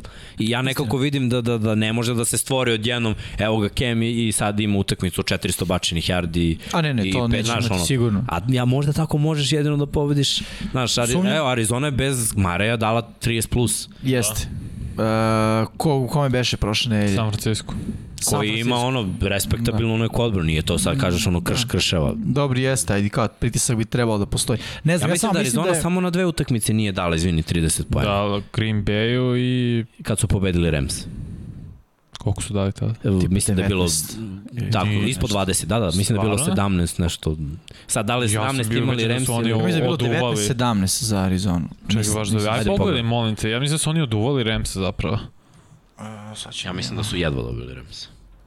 Da bi to je u LA-u bilo. Mislim, Imali su jednu, imali su jednu utakmicu koja je baš bila, Da, ne mogu setiti, mislim da su, da su Rams, Rams Evo, ja, znači, ja ti kažem. Da je ovo... Da li Ne, su, 37 Da, bre, 20. duvali su Rams 37-20. Jeste, jeste, pogrešio sam. od Chiefsa su izgubili 17, ne, to je bila presezona, vidimo Titansi 38, Vikingsi 34, Jaguarsi 31, Ramsi 37, 49ersi. Da, da, da. Znači, 17-10. Da, Ali divizija. Dobro. Okej. Ok, ja ovdje vidim šansu Karoline ako ne igra Mari. Ne zato što je Colt McCoy loš, nego zato što mislim da ova odbrana Karoline može da izvrši pritisak na njega i da se on osjeća baš toliko konformno. Protiv uh, 49ers je par puta on izbegao pritisak i to je rezultiralo big playima, znaš. Mislim da odbrana Karoline neće propustiti takvu šansu što može da ih vrati u igru sa Kemom koji ono, ja da sam rule bar znam šta može Kem da mi da u ovom trenutku. Na- U Darnolda si verovao, u Kema nema potrebe da veruješ, ono, znaš otprilike šta je, ne forsiraj neke bombe, nema rame za to, ali ga koristi kao trkačku opciju i malo ono, uh, daj neki college playbook, mislim, Pa da. realno. Ništa, ajmo da vidimo dalje šta još ima. Ramsi 49ersi, uh, utakmicu unutar divizije, Ramsi apsolutni favoriti po mom mišljenju ovde, Da. da. jer sad ćemo videti 49erse da se suočavaju s još većim pritiskom u odbrani, nisam siguran isto i Odell, koliko će da igra, ako bude ušao, možda ono, znam izolacija da da samo igra, za da. njega, ono, outside post i to, ali Von Miller će igrati. Hoće, on I- hoće, i mislim da može da Odell bude neće igrati sad. Da, Jeste. Ramsi su opet izgubili utakmicu koju po, naš, po mišljenju mnogih nisu smeli i sad moraju da se vrate, a treba im, jer ono, možda se i oni nadaju da Kyler ne igra, Arizona Da. da. padne, oni budu prvi. Tako da biće to trka, a ovo je prava prilika za njih. Eagles i Broncosi. Pobedio. E, da. e, ali, ali jeste zanimljivo. Jeste pobedio. Me, meni je ovo utakmica gde ja ne znam koje Broncose ću da vidim. Da li ću vidim Tedija koji Tačno. ono baca vertikalna lopta ili Tedija koji, ne znam, check down dodavanje i Denver koji ima, ne znam, 15-20 poena. Jer ako Denver ima 15-20 poena, Fila može da pobedi. Iskreno mislim da, da na ovoj utakmici Denver ima tu malu prednost jer se igra kod njih. Samo to, to, to mi je ono. To, ko zna kako će vreme biti totalno drugačiji vremenski uslovi, vazduh. Denver može da, da, da izađe s dobrim napadom da umori odbranu File. Videli smo ove godine odbrana File kad se umori, nije to baš to, ali s druge strane ofanzivno Fila ima šanse, ne znam koji ću Denver videti u odbrani. Samo mislim domaći teren, eto, to je jedini razlog A. A. zašto naginjem na, stranu Denvera, jer koliko sam vidio dobrih i loših stvari od Broncosa, toliko sam vidio ove sezone i od Eaglesa. Znači, to mi je izjednačeno, samo Denver je na nizu one 3-0 na, na startu sezone, to je razlika bukvalno. Uh, Fila je jako slaba kroz sredinu, što se pasa tiče. Uh, mislim da Fila može da zaustavi trčanje Denvera, ne da ga, da ga ono uništi, ali može da ga zaustavi. Uh, I da će biti ključ upravo u toj igri kroz vazduh, jer uh, Denver ima ozbiljne hvatače, Da. a Fila nisam baš siguran da ima talent da pokrije sve to. Ono, kao Slay može, ali treba i ostali da, da nešto urade. E sad, a, nisam siguran koliko Denver baš kompletira kroz sredinu. Mislim da Teddy B više baca na, na stranu, što malo može Filu da, da vrati i da im da neku šansu. Najveći problem Fila je četvrtina broj 2, tu potpuno nestanu, potonu. Prvi drive ili ono ne urade ništa, pa onda u drugom izdominiraju da se čini to je to, ono vozimo ovako do kraja, ili u prvom drive izdominiraju, onda posle toga ih nema naredna 2-3. Uh, još traže neki ritam, neki identitet, Uh, Miles Sanders neće igrati, čini Da, mi to se. mi je veliki problem. Ali Howard je bio dobar. Jeste. Howardu treba, mislim Howard da znamo da on ako ne dobije 20 plus nošenja, Jest, on nije produktivan, jest, ni to je jest. to s njim. Mislim da mora će biti zanimljiv meč, svako ili će biti jedan posed. Ono. Je možemo da dobijemo istočnu NFC-a? Mislim, Dallas je tu prvi, velika je separacija, ali ako govorimo o tom wild cardu, Eaglesi koji imaju 3-6, imaju neku šansu. Pa, ako Sad Vikings ide izgube, Eaglesi pobede, znaš. Tako Pa je. i ako San Francisco isto izgubio, Tako on je na 3-6. Znači, postoji neka Seattle šansa. A moguće. Izgubi, I ovo je ona, znaš, ono, vatanje za slamku, Kao i uvek. to probaju, radi nešto, pa možda se i desi. Pa, Eto. pazi, i realno. I Atlanta da izgubi 4-5, Pa da. Fila dobije 4-6, nije to. To, ni, nisu daleko. Mislim, matematika je ubi Bože, ali Da. Oh, tu je. postoji, da. Ajmo, ajmo da vidimo još jedna je ostala, je tako, to su Seahawks i Da, Packers i o tome smo pričali. Okej, još vreme je za Kako vodiš ovo? Obožavam. oduševljenca? Vesti iz NFL, e pa vesti smo rekli, da. pomenuli smo Dešona koji je Odell. otišao ovamo i On kaže samo da je u- ovaj John Gruden odlučio da tuži Gudela i NFL. To je Pa, sad dobro. izašlo. To je najnovija, najsvežija vest. ako, Da. nek uzme čovek neki dinar. Nije dovoljno ojadio Raiders. Jer imamo još neke vesti. Pa ono, sve se svodi na ovo ko igra, ko Ja, ne igra. spomenuli smo da tokom sad pre ovoj najave meča ko otprilike igra koje, ko, za koga znamo da je out, ko igra, tako da. Kako smo temeljni? Ništa. Pablito puci. Uh, Bam, naše zašto? prognoze. A, Pa, hoćemo kako prvo smo da vidimo prošle nedelje? Ove, Pablo, ove To je možda bolje. deseta, ali jedno odmah se vide X-evi. Uf.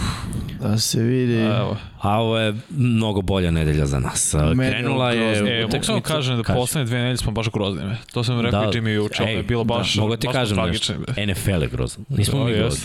Nego, nego su ovi timovi koji su favorizovani. Znaš koji je bila hendikep na Buffalo?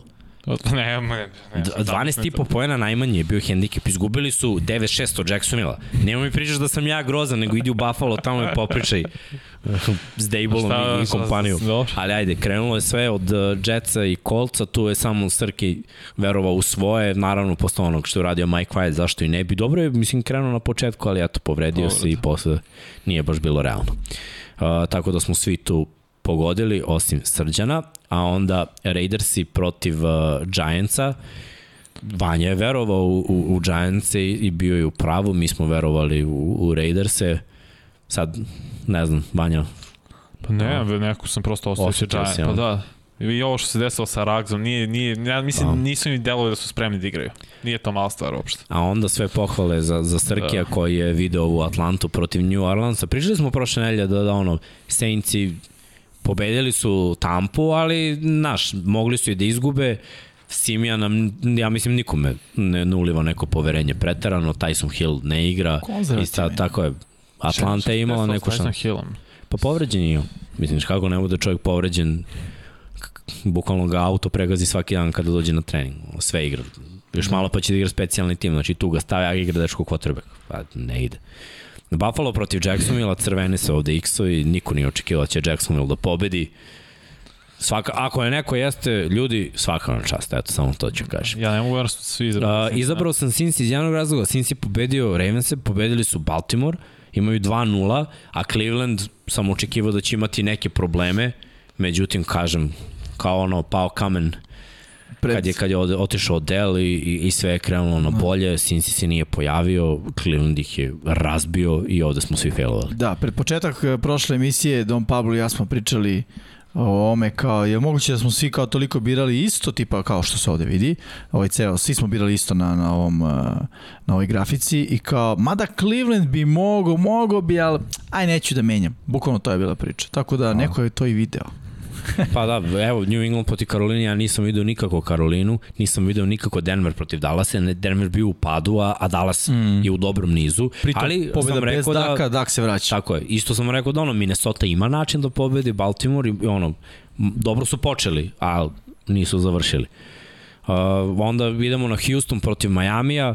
Iskreno, od Houstona stvarno ne očekujem mnogo ove godine. Srđan je išao na tu, na ludilo, ajde, to mogu da kažem, i ludilo ga je izdalo. Uh, Chargers je protiv Eaglesa, Za malo. Jim je verovao u svoje, Pablo je verovao u, u Filu. Bilo je blizu. Yes. Bilo je blizu, ali eto ja sam verovao da ti Chargersi ove godine te utakmice koje su gubili sada dobijaju, a, a Fila je ekipa koja još uvijek mora da raste. Mislim, njih sad čeka ono godinu, dve da budu pobednici u ovim duelima. Uh, Green Bay protiv Kansas City-a. Uh, iskreno, čim sam vidio Jordan Love, Da. rekao sam nema teorije, tako da bili smo u pravu Pablito, ja i, i Vanja, Jimmy je video upset i stvarno bi bilo prejako da, da je Jordan Love odradio svoje i specijalni tim da je odradio svoje, ali nije se desilo. Arizona protiv San Francisco, niko ne veruje u Jimmya, ali Garopola. Idemo dalje. Tennessee protiv Ramsa, niko nije verovao u ekipu bez Derika Henrya, ali Kada? postoji ekipa bez Derika Henrya i zove se Tennessee, pobedila je Ramse i onda Chicago protiv Pittsburgha. Uh, Za malo. ja vam Malo, kažem, malo. najbolja, ono, gledano, statistički, igraju uvijek protiv Chicaga i lagan, lagan si pobeđuješ. Treba je Justin Fields da dobije onaj kol. Dobro, mogo je, ali nije. Tako da su to bile prognoze za deveto kolo i možemo da pogledamo konačni Pa sam. semafor nakon devetog kola na prvom mestu. What? See, what? Hi, my name is... my name is... Uh?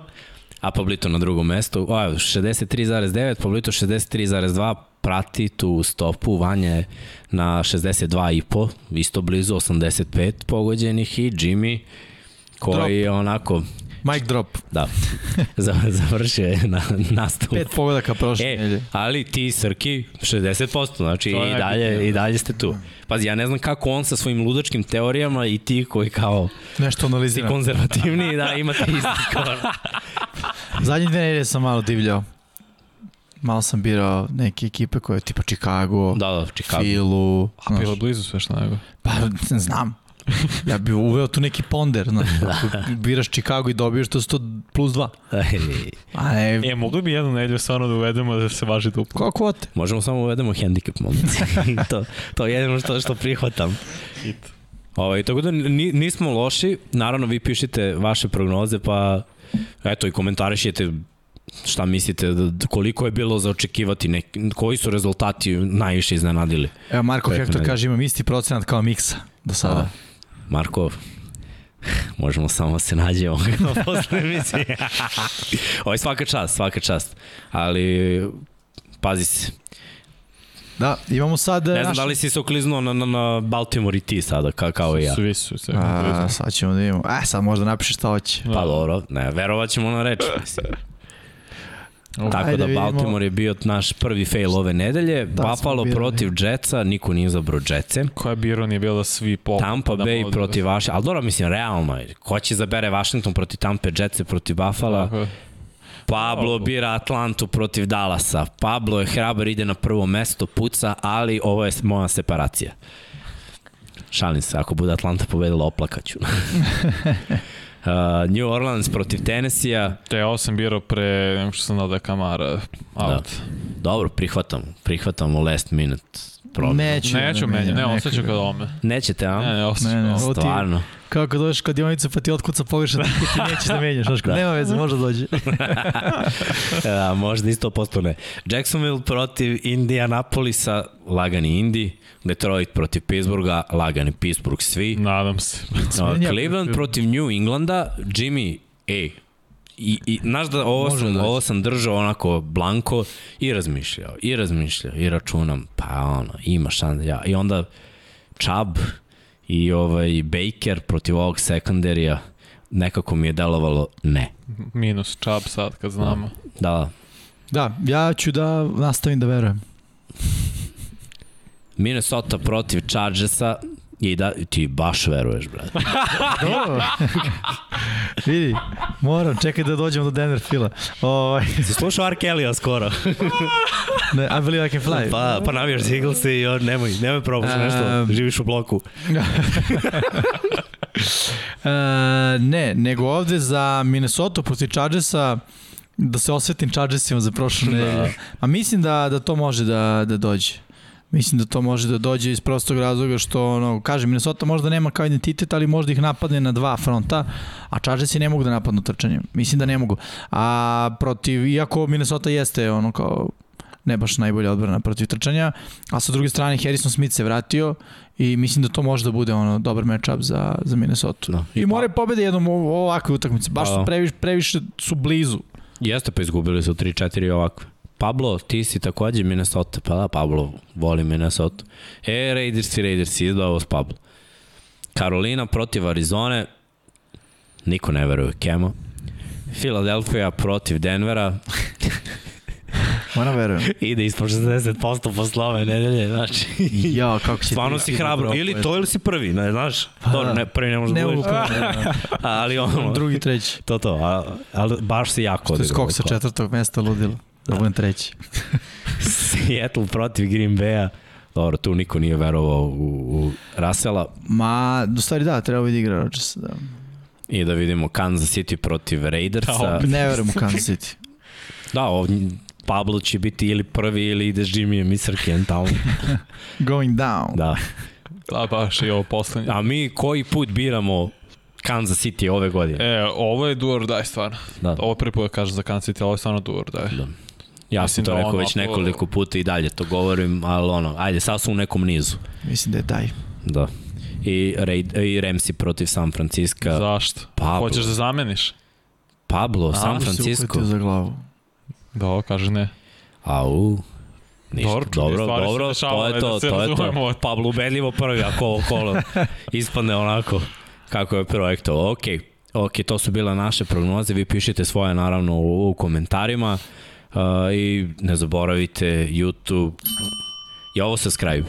Uh, e, jeste Da, čoveče. to je subscribe, a ovo je like i Da, slobodno lajkovi, kliknite na lajkovi. like, slobodno klikćete na zvonce. To To nismo. nismo. planu, znaš. Gledaj, nismo loši, dva, ono, Imaš- da kažemo... Je, jede, evo, tačno ima još toliko za Q&A. Još Tako. toliko?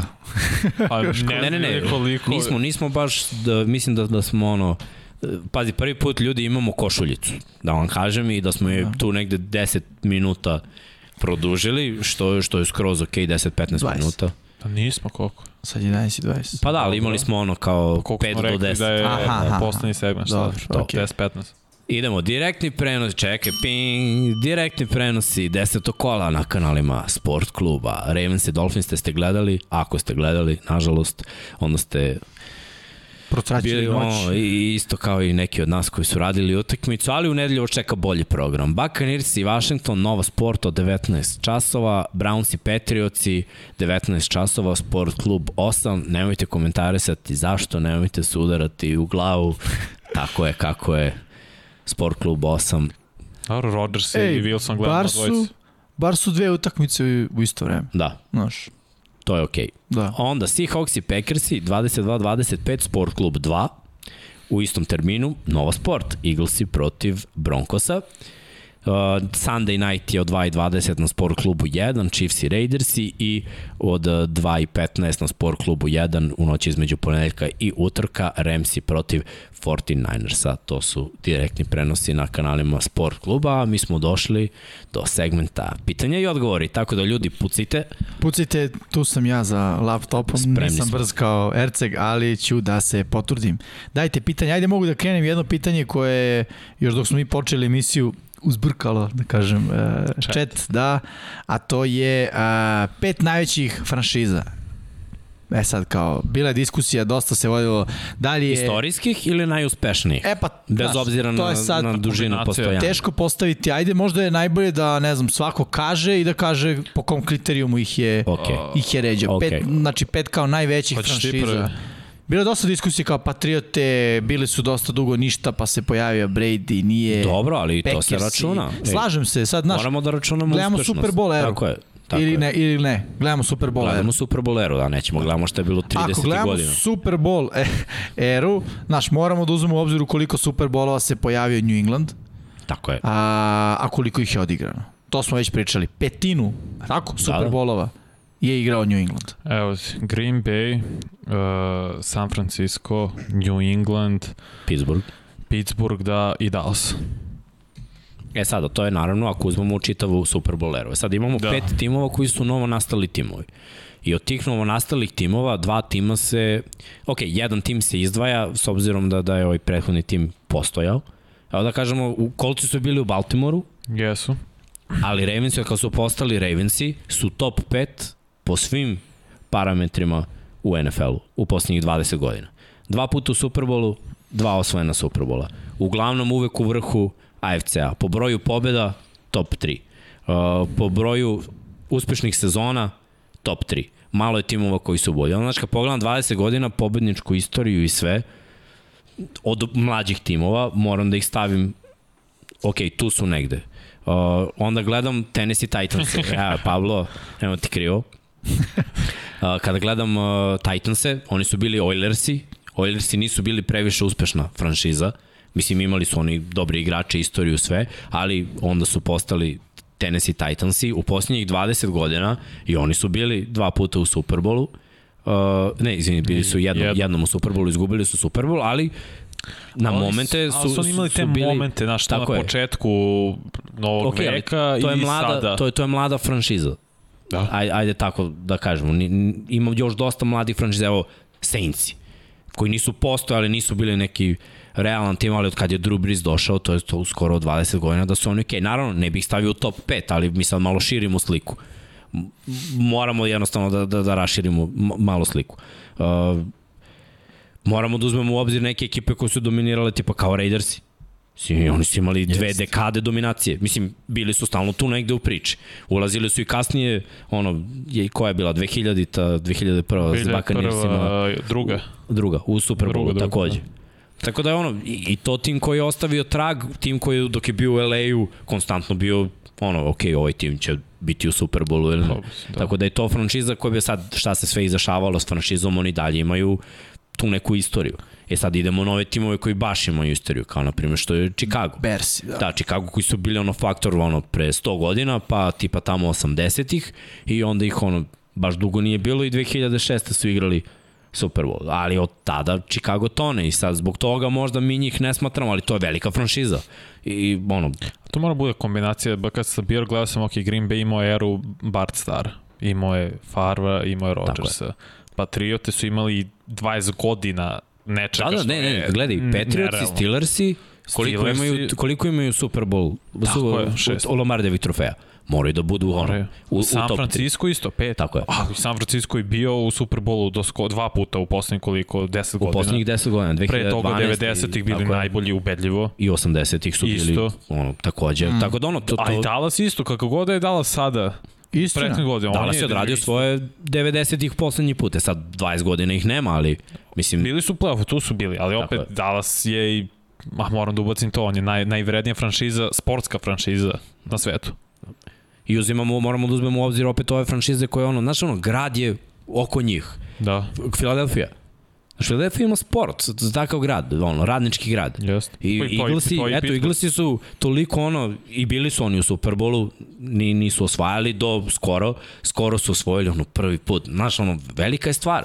Dugo postojiš, stalno si bio u nekoj priči, gubio si, Dobro, ne možeš reći baš da je velika franšiza. Znači. Ali pogledaj, Istorijska postoje, franšiza. Da, postoje dugo. Ok, i, znaš, on, ali znaš, Giantsi. Ali gledaj, Giantsi, Giantsi su velika franšiza, da. baš velika franšiza. Oni su na toj granici da budu top 5, na primjer. Top 10. Ali ne bih stavio, da. mislim da smo kompletirali onih top 5, sad malo razmatramo. Da, malo širu kao tako, priču. Da. Šta je okolo, okolo tih top 5? Čeka, Broncosi?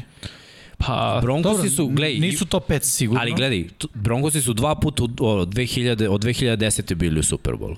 Bili su uh, devet, ono, 90 Sa John Elway. Tako je, i, i, i osvajali su. Jesu, dva puta. Tako je, ono, u 30 godina, znaš, imaš tri Superbola, to je skroz okej. Okay. Mislim, i Bills su imali, vezali četiri Superbola. Nisu osvojili ni jedan, da. ali eto, imali, one, do duše, Bills mislim da su imali tu jednu generaciju, da, yes. da to više njihova priča. Da, da. I ovo sad možda imaju novu generaciju, ali da.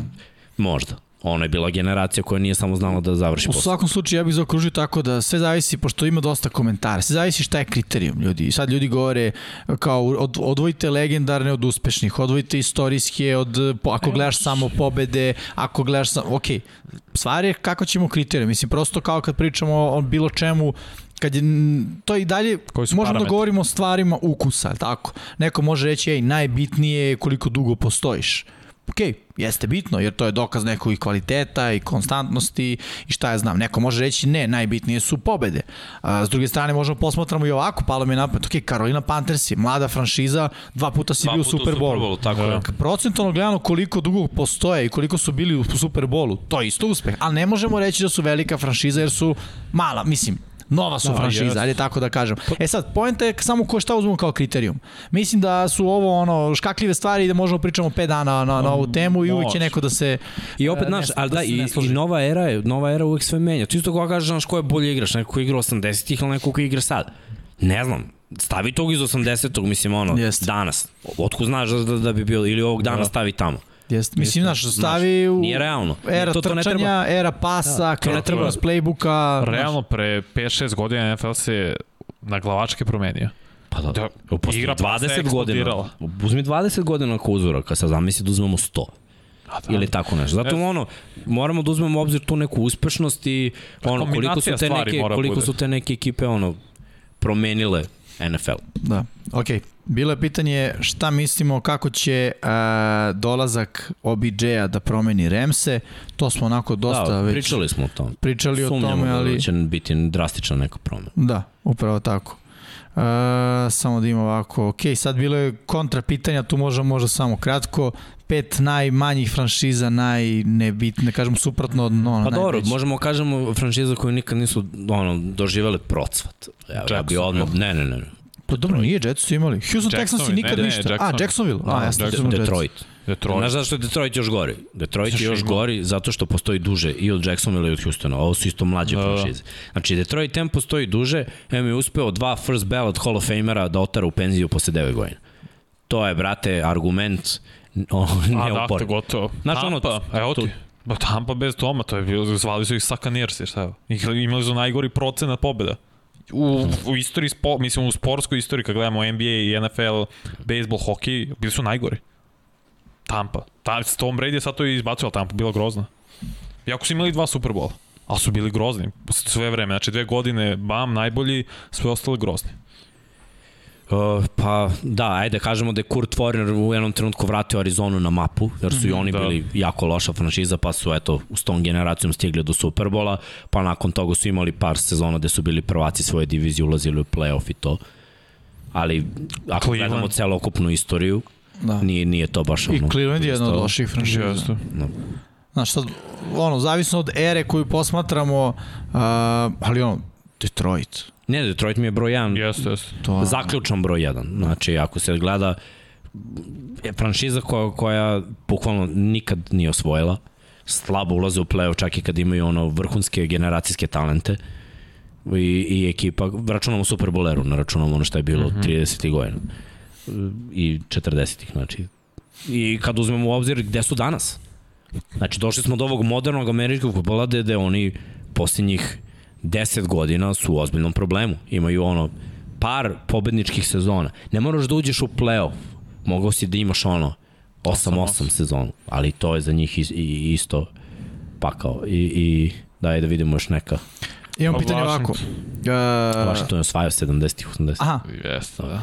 hoćemo da idemo dalje na pitanje. Da, da, idemo. Da, Dobro, okej. Okay. Bilo je ovako pitanje. Pošto Čabi je vakcinisan, ako u nedelju bude, ako bude imao dva negativna testa, da li Igra. on može da igra? Može. da. Ok, znači onda je Čab i dalje A č, je li, game time decision. Je li izbačeno da je officially Ja sam out? pratio na the, fantaziju i tu stoji da je out. Da je COVID-19 lista je sad. Ako je vakcinisan, dva negativna testa Može na da dan igra, odigravanja utakmice i full to go. Ok, uh, ko je po nama najbolji trener u NFL-u svih vremena? Bil. Bill. I ja mislim da je Bill, uh, odmah ću samo kratko, ne bih odužio na ovu temu, ili isto je kao ono malo pre najbolje franšize, mislim to je ono, možemo se vrtimo do preksutra u krug, s prostog razloga što Bill pokriva najveći broj era, aj tako da Da. kažem. Znači, od momenta kad je on došao u NFL, 40 godina. Tako je, ali od kako je on Uspešno. došao u NFL, znaš ono, uh, Giantsi, Lawrence Taylor, cela ona priča, sad je full bio drugačiji, tad je bilo run first, ono, zaustavi Emita Smitha, zavrs, quarterbacka. zaustavi sve ostale ove trkače koji su zvezde, što se hvatača tiče, tek je krenulo nešto da se radi na tom polju, on je i tu bio uspešan, uh, uspešan što se tiče i napada, što se tiče i odbrane, i u sadašnjoj ovoj eri, mislim ono, kada pogledamo, čovjek je uh, pokrio najveći broj promena u stilu igre u NFL-u, pre svega u Tamo se napadu. adaptira. Tako je. I uvek je ekipa u kojoj je on bila konkurentna. I ne Ej, samo da je Browns su konkurentna. bili konkurentni Na, sa njim. broj pobeda, broj se, uspešnih sezona, pozitivnih sezona, broj učešća u Superbowlu, broj osvojenih Superbolova, broj pobeda u play-offu, mislim ja ne znam rekord koji- to, to je i sistem i način vođenja ekipe i ono, ekipa je bitnija od pojedinca. Koliko je Zvezda imao u svojoj ekipi koje su bile zvezde u ekipi i teli da budu iznad tima kada je bilo rekao, ok, Ćao. doviđenja. Ok, e, imamo pitanje ovako. Da li je ovo godina backupova? Simijan protiv Tampe, Cooper Rush, Colt McCoy, Mike White, previše ih je za navesti. Mislim da od prošle godine NFL ono, počinje da bude, počinje jako da bude bitno ko je taj broj 2. Da. Jer jednostavno povrede, povrede se dešavaju, da stavit ću, još, stavit ću, reći još par primjera zašto, kotrbe koji su sve mobilni, tako, iako jesu zaštićeni, oni ono kada trče, Čuvaju sami sebe. Pa da, oni kada trče, druga stvar, e, moment baš zbog toga što znaju da su zaštićeni, malo duže drže loptu u rukama, jer znaju da neće dobiti previše strašan udarac. To takođe može da dovede do toga da e, ne mora da dobije udarac od defanzivca, ali da bude uguran na njega ofanzivni linijaš, da se dese takve stvari. I ta trčanja što su se ohrabrili, znajući da isto kada krenu da trče, ako ukliza niko ne sme da ga pipne, pa onda on jednom odluči da ide glavom prvo, defanzivac ga raspali i ono, Ej, više vidimo ovih pokušaja blokiranja dodavanja. i to. Znači, ne, ne ideš na obaranje, nego na blokiranje. Rasel je tako prst, Jest. druge pre par godina prst. Jest. Tu je prst. Da. Uh, ima ih još par, na- znači uh, podlaktica za, za White-a Uh. koji je ušao, znači nekoliko igrača na poziciji quarterbacka ima problema sa, ono, da li bacačkom rukom, da li, ali to je sve prilikom sve, poteza sve zanimljivo, sve si nabrao quarterback koji su niži. Svi, svi su oni do 185. S- Svako ko, Da. kog si nabrao je niži. Ali je još jedna stvar zašto su backupovi sad, backupovi sad iska, iskaču, zato što je sada backupovi i prosečni quarter- quarterbackovi tri puta bolji nego pre 15 godina. Realno, kako god Dobro, da gledaj, jesu zato što im je igra naklonjena, jer Upravo se to. igra I kroz ovako, srednju kroz školu su tako razvijeni. Oni pričali smo Da, da, da. quarterback kampovi 7 na 7 i sve to. To je sve u korist quarterback. I oni su sad mnogo kvalitetni. Ako nisu elitni, niti možda vrlo dobri, ali su bolji nego što su bili proseci nekada. Tako je. Mnogo bolji. Dobro, nekad je ono, backup quarterbacka uđe u igru, tri pasa i 25 handoffova. Tako je. Da. Sada ono, svaki QB mora bude spreman Tako na je. iznenađenje, Pa da iznenadi odbranu i ono, ajde baci. Logično, jer svako od njih je draftovan kao ne kao rezerva na svom koleđu, nego kao starter na svom koleđu. Tako je. Znaš, tako da ti kad dođeš u NFL, ti nisi neko ko je igrao klupu, nego neko ko je igrao. E sad samo stvar ono nijansi i šta će skauti i treneri da, da prepoznaju. A, gledajući ovih devet kola, da li bi se složili da je New England imao najbolji off-season u celoj eri bila Beličika? Draft Jones, Beremore, uh, Bermore, uh, Stevenson, Uh, Bermore me je oduševio, sad mi je jasno zašto su tradovali na gore za A, njega. Meni nije jasno pitanje, Pita Lekar je to za ovu godinu? Da, da, da. Za ovu godinu najbolji off-season? Uh, kako misliš za ovu godinu? A ne, da li je imao najbolji off-season u eri Bila Beličeka? Uh, Uh, nije. Nije, ba, baš nije. Najbolji off-season u eri Beliček je ona godina pre savršene sezone. dovođenje Randy Da, Moss. to je ono, pun pogodak. Dok se Aj, to... ne samo njega, mislim bilo tu defanzivaca par, Je tad i Lo biše, taj Lo...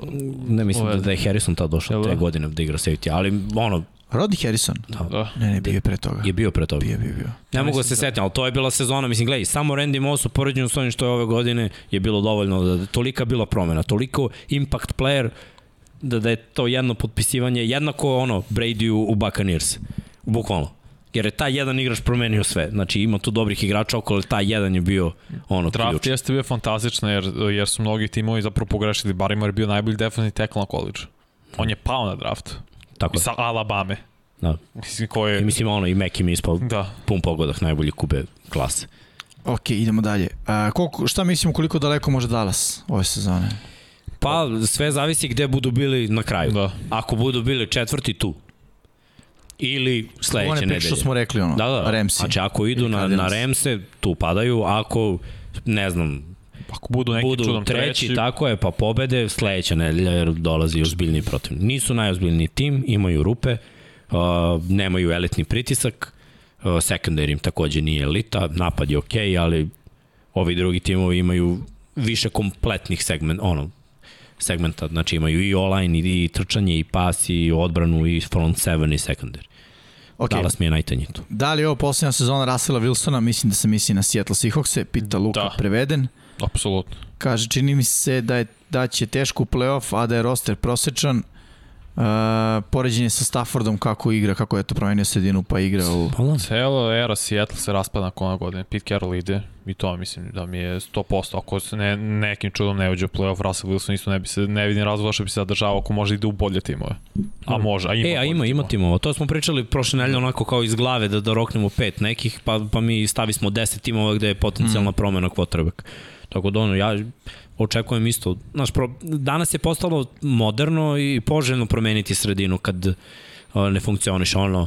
a, Dobar razvord je bolji od lošeg braka. Da. Da. To, to je nešto čime se Lepa igrači. filozofija. Pa, pa, ali baš je tako u svim sportovima. Znači ti gledaš i košarku, ja, meni deluje tako. Znači, to ko ne ide mi ovde, ajde idemo u drugi To tim. je NBA-u... Razumeš, e, a NFL juri NBA. NBA, baš Jeste, po, po kinti, se po tome, krenuli da, su da. ugovori da budu NBA ugovori i krenula je sad i ova priča, ono, ne sviđa mi se ovde idem tamo, a ja su jedinimo, a ne Da. prvo super tim. Da, Ja ja. Ala Rams. jest. Ko je po vama najveće iznenađenje do sada? Kaže Favela, Favela QB, kaže po meni Tennessee u odbrani i Mare kako vodi Arizonu. Pa, Bengalsi. Ipak moraju i dalje da budu. Dok ne, ne budu, znaš, i, i dalje mi je 5-4 za, za Bengalsi i pobeda u dve pobede u diviziji. To mi je i dalje veće iznenađenje. Marej, pričamo koliko, dve godine. Je tako? Dve godine da, Da. da bi to moglo da bude to, ok, ajde, to je to. Uh, šta je bilo? Drugo, samo još jedna stvar za. Mar, za Mareja. Uh, Mare zna na čovku u drugom delu sezone. Da, da. To smo već viđali, tako da čekaj. A Se Tennessee, mislim, taj Tennessee je bio on u finalu AFC-a i u njihova divizija toliko Bro. loša ljudi, dajte nam se sezon. Da. Doduše je bilo kao odbrana tenis. A dobro, odbrana Tennessee je Ok, to jeste. ne igra cele sezone na ovom nivou. Već poslednji 3-4 meša. I to jeste. Mislim, gledaj, oni jesu kao dobro odbrana na papiru, ali mnogo je utakmica gde su primili 30. Da, da, Znaš, jes. Jest. ne znam, mi, mi sada ovo toliko je ofanzivan futbol da ono, tim pobeđuje, mi hvalimo odbranu, oni imaju pritisak, ali primaju 30. Da. Ne možeš budeš dobra odbrana, primaš 30 poena. Mislim, i, Vratimo se 20 godina unazad, Tako dobre je. odbrane su držale ono ispod 10. 10. Znaš, znači, bolesno. Ok, The Crazy Srb kaže, kasnije jer sam malo gledao unazad, mislim da grešite za ofanzivnu liniju Bersa.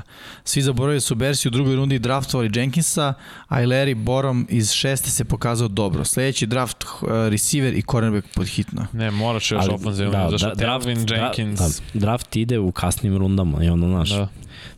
to, to je problem. Radi se rebuild, imaš problema, imao si ozbiljan problem s capom i ono, nije loša ofanzivna, ali nije ni dobra. Mm. Znači, to nije identitet Bears. Znači, Bearsi moraju da dominiraju u ofenzivnoj liniji za, za, za Fieldsa u ovoj diviziji dokle god Rodgers ne ode. Ako da. Rodgers ode sledeće godine i Devonte Adams ode sledeće godine, onda Bears imaju mnogo bolju šansu. Jer će biti konkurentniji u svakoj utakmici. Da. Za, za, ove godinu, za ovu godinu, ok, bila je, da kažemo, meni nije bila neizvesna utakmica protiv Green Bay-a. Ja nisam sumnio ni jednom trenutku da će Rodgers da, da, da da, reši da. Bears. Iskreno. Ni u jednom trenutku. Da. Ali kad da. su bili na vrhuncu, on ih je rešavao. Da. Ne, i generalno, ljudi, elitni talent je elitni talent. I to ide u prvoj rundi, eventualno drugoj.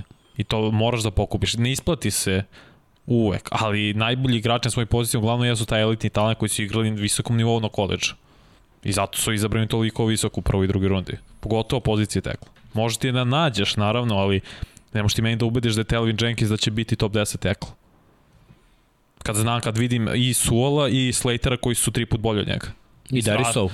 Da, i Derisu i Derisov je meni top Isto. 3 ove godine od mladih. Minnesota isto. Mm. Jako dobro igra. I Ali oni su išli u top pro. 15. Da, da, Sa razlogom. da, da. Ok, Dragan Perišić, šta očekivati od Michael Thomasa u nastavku karijere nakon skoro dve godine pauze? Isto što i od, i od Odela, Ništa znači. dok ne promeni sredinu. Da. To je ta, to je ta priča. I ja mislim da on mora Ken guard da, Mike, da menja, ja sam najjači. da menja sredinu. Uh, uh, uh, uf, samo da vidim, preskočio sam nešto. Možda će da trenira s rotacijama u kraju. Da se spremi Aha, evo ga, za novu šta, sezonu. šta mislite, pita Filip Nedeljković, kako će Steelersi rešiti pitanje kvotrbeka sledeće godine? Trade Free- za Russell. Wilson. Ne, što trade. Russell još pod ugovor. Još pod ugovorom. Da, mora, ja bih tradeo za Russell. Wilson odmah. Ja ovako Šta da daju? Bena? Ne, Ne, ne. Piko je. Daj, piko je. Imaš je. tim, realno. Imaš tim, ali ne, fali ti quarterback. I Russell Wilson bi to učinio možda i favoritom u AFC Severu. Možda, jer je Sever Da. I možda će dati nekog od perspektivnih defanzivaca.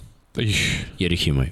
U front seven. Da. Znači, to da bude paket i pik. Ali, ajde da kažemo, ja očekujem u free agency-u prvo da probaju da reše. Znači da ne idu ono a trade. koga biš? Kogod je bolji od Masona Rudolfa. Kogod. Od Jimmy ovih koji Garoppolo. bolji je od Rudolfa. Ili bolje od Bena sad? Ne znam. Znaš kako, Tu Ben je mi- meni, ja kad, gledam Bena, ja gledam ono, sa istorijom Bena. Nisam, nisam dobra osoba da pita što pitanje. Jer uvek iz nekog Ti bogatog pamtiš, da, iskustva jasno. gledanja Bena, uništavanja Ravensa i ostalih ekipa u Da. AFC-u, meni je u glavi taj Ben uvek može da učini neko čudo. Znaš, igra loše loše i onda krenu na njegovo 1,5 na sat i, i bacit će nešto i bit će Meni nešto. su isti. Ali ono, Isti su a, bukvalno. samo je ovaj mlađi. Da, ali što E sad, imaš pazi, tri? postoji jedna velika razlika. Mhm. Ben do poslednje dve godine Tri. Ne, ne, ne, do dve, nije bio injury prone. Brate, mogu se osloniš da, na njega. da, A Jimmy G je ono, Jest. malo jači vetar, Evo Promaja. evo ga, promaja. Promajica udarila, ne, ne igra ove Ali nedelje. top 3 quarterbacka, Rodgers, Watson, Wilson su pod ugovorima. I za njih moraš da traduješ. I ti ne, ne možeš da propustiš, jer se to nikad ne dešava da realno top 3 od top 6 quarterbackova 7 su slobodni, available. A. Samo moraš da traduješ za njih, zašto oni neće da igraju tu više. Tako je, pa da. Ne, ima. I to, se, to moraš da iskoristiš, daš... Dobro, videli smo Sve. šta dete odvede, neću da igram tu. Mislim i na Da. Ne, ali svi oni Dešona. imaju uh, no trade clause, oni mogu da biraju gde će da igraju. Ja zašto Dešon, Dešon je ok izrazio Miami, ja mislim da će to da, da se desi. Isto. Ali Russell Wilson i Rodgers, zašto ne bi igrali za Pittsburgh? Tako je. Mislim, gledaj, ne znam koje su namere, da, da li se ide na takav trade i to, to je baš ono velik, ono, jak potez i to. Da. Ali sumnjam, znaš, da, da će ići u rebuild. Sada. Jer još uvijek imaju neke igrače u odbrani naš, koji, koji ono, neće čekaju sad 3-4 godine da se taj quarterback upazi u diviziji, u kojoj diviziji, da će Burrow da bude još bolji, da je ono, ako Lamar. ostane Baker, Lamar, šta ćeš da ih mučiš još 3 Jeste. godine pa da imaš neki uspeh. Daj, ajde da probamo. Ono, mislim, da se ne lažemo, tu su. Imaju 5-3. Prošle godine su bili prvi u diviziji. Ono, malo bolji quarterback i tako da ono, ima mnogo, ne, ne možemo sada još da vidimo. Znači, tek treba da, da se uzme u obzir šta se dešava. Biće lud free agency. Znači, ja Da. garantujem da ovaj free agency sa tradeovima, sve, sve što Sve se nije desilo, desit će se od marta. Mm. Da li može Adrian Peterson, pita Jokić Nikola, da stigne do 500 yardi u Tennessee po, po zemlji? 500 teško, ali 300 može i sa 300 je ono 15.000. Puna kap. First ballot Hall of Fame. Da. On ima 8 utakmica, ne, izvini, 7 utakmica ima. 7, da, 7, Da. 2 ovim je, da, da. Okay. Još 7.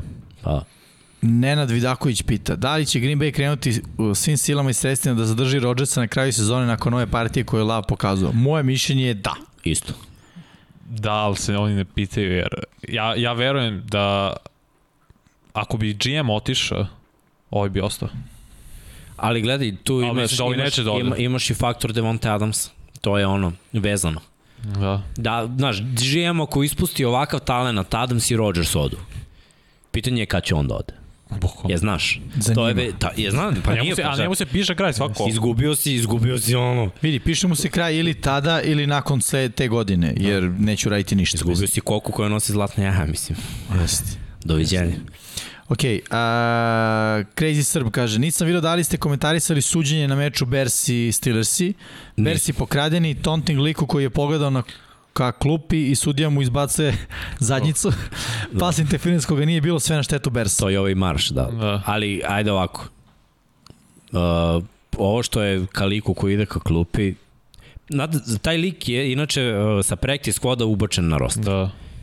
Znači, odradio si dobar posao, napravio si potez, uradio si ono, Karate šok. iz okreta, tako je, iz okreta, šut, sve u redu. Aj se sad vrati u huddle i ono, nova akcija. Ne. Mislim, ne razumem. Stvarno, znaš, ponekad, ja stvarno ne razumem rezonovanje igrača NFL. Znači, prvo ne razumem na čemu su ponekad. Znaš, ono, kad izađe, kad izađe na teren i ono, druže, je, postoji neka inteligencija i neka da, sta, da se stavi tim ispred ono, ono Ega. tebe. Mm. Ok, ušao si prvi put, ono, igraš sad ove godine, znači sa practice squada, ok, napravio si dobar potez. Što? I ima potrebe za tim. Znači, ja sam siguran da da ono, znači, sudije ponekad bace to ishitreno. Već u Zvezdi to ne bi bacili, ja sam ubeđen. Naravno. Ali sudije će uvek baciti nekom igraču koji nije Zvezda ovako nešto. Da, da. Ja, ja sam ubeđen da to tako ide. Uh, I često se desi da neki igrač stariji, iskusniji, isprovocira, prvi udari, povuče, ono kada padne. Nama mi. Tako je, nama mi, ovaj drugi, ajmo sad ću ja tebi da pokažem, pap. Italija išla. Žuta zastavica. Tako Da. je, to, toga sam se naviđao ove sezone. Da li su pokradeni? Na neki način jesu, a na neki način i nisu. Uh, jer je glupost postojala. I, I ta glupost je neizlečiva, a zarazna je. Prenosi se na drugi igrače, Da, da, da. da. prenosi se na slačionicu i prenosi se na sledeću utakmicu i tako dalje i tako dalje. To, to je najveći problem. Tako da ono, ona koja je napravio tu jednu glupost, da mu sad nisu bacili na sledeću utakmici, ja garantujem da bi napravio istu glupost. I, i bio bi ono, tad kažnjen. E sad, da li bi u toj utakmici bilo neizvesno ko što je bilo na ovoj, na, da, da gubi tim 20 razlike i nikom ne bi bilo bitno za, za 15 Da, jara. da, da, ali pošto ali je bila ovde- utakmica na, na dva razlike, onda je sad I jako važno i trenutak to u je... kome se to dešava, je. znaš, Panter izlazi na teren, Pa. pa ga ovaj vrati, kažemo, vrati se da je napad jer je ovo kazna. Tako je. Ali nije prvi, baš nije prvi put. Ove godine smo videli, e sad sudije su se malo smirile tamo negde od četvrtog do, do sedmog kola i malo- Meni se ne sviđa generalno to Sad je- pravilo. sad je opet malo- krenulo. Malo preterivanje. je, mnogo pravila. Juče ovaj Holland skoči da izblokira pas Lamara i ono, zakuca su njega bukvalno Da, da, kao list 15 yardi. Vidio Ej, kontakt minimalan, možda ga je da malo je- zakačio po, ono, u predelu, Da. ali brate, toliko je bilo lagano i to je 15 yardi. To, mislim, Gurno meni ga je u to- predelu da. vrata, lice. Pa da, pa je, ali mislim smešno je. Ne treba to da bude 15 yardi. Ali opet pogledaš pravilo, ok, je piše u pravilu, piše. Šta sam da ja pitam? Jeste, ja mislim da je tom konkretno, toj situaciji konkretno za meč Miami Baltimore prethodio onaj prethodni Tako, ali dobro, to je očigledno. Ono je baš bilo očigledno, ali mislim da je, da je preko. sudija onda počeo da obraća pažnju. A. I da je, znaš, počeo da gleda i sve što je vidio na Lamaru, jer je verovatno zaključio, aha, tretiraju ga kao trkača, ok, ne može, i da je počeo da obraća pažnju. Meni je tako delovalo, Mhm. ali možda i nije. Ok, da li je ovo posljednja sezona Jimmy G u San Francisco? Da. Mislim da da. Da tu nema govora. Nisu dali pikove budućnosti da bi gledali Jimmy G-a još godinu dana. To je sigurno. Da li su Billsi navikani? Svaku ozbiljnu utakmicu su izgubili, pita Dux. Pa, E, Billsi su ekipa koja ja kažem, nema jasan identitet. Znači, oni imaju kao neki identitet ekipe koja baca I mi stalno pričamo o balansu koji oni treba da imaju i da, da se trči. Oni nas iznenade na nekoj utakmici, odrade kako treba, a onda na nekim utakmicama i ne. Uh, nisam siguran koliko su njima sve utakmice važne, ne igraju tako kao da su im sve utakmice važne.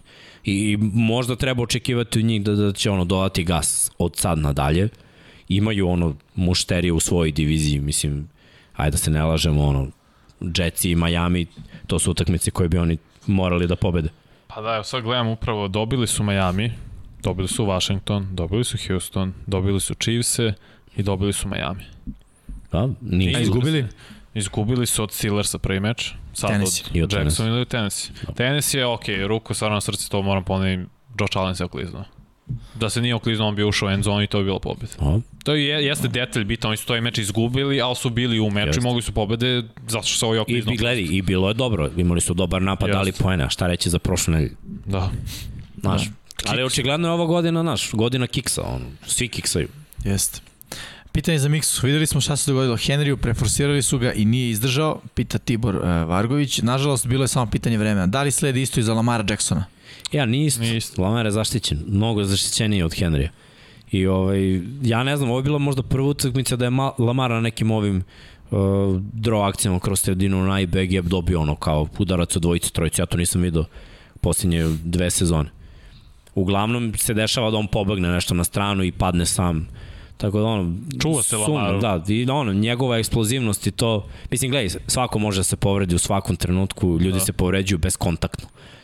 I eto i Henrijeva povreda je ono najmanj, da kažeš, nije toliko strašno, mnogi su očekivali neko će mu kolena, neko Tako će je. ovo, neko će ono, nije se to desilo, nego eto, stopalo, mislim. Lamar je imao od koga da vidi. Video je od Robert Griffina trećeg, video od Michael Vicka, video od Cam Newtona u najgorem slučaju. I opet su je, zna. zaštićeni, znaš, I, I sad su mu da, mogu sad više zaštićeni quarterbacku nego tad. Je gledaš sad kad idu svi quarterbackovi ka autu, redko ko se napravi onako glup da ga gurne kad je ono korak od auta, svi puste. Znaš, što ono, nećeš znaju. 15 yardi. Jeste. Nek uzme, brate. Koliko je? 5, 6, 10? Nek uzme. Ok. Uzmi taj. Ne Ja, odgovara ligi da se quarterback povredi. Mislim, znamo Green, kad je Rodgers imao povredu ovaj, lopatice, Green Bay je bio negledljiv. To ne, ne, to ne odgovara ligi.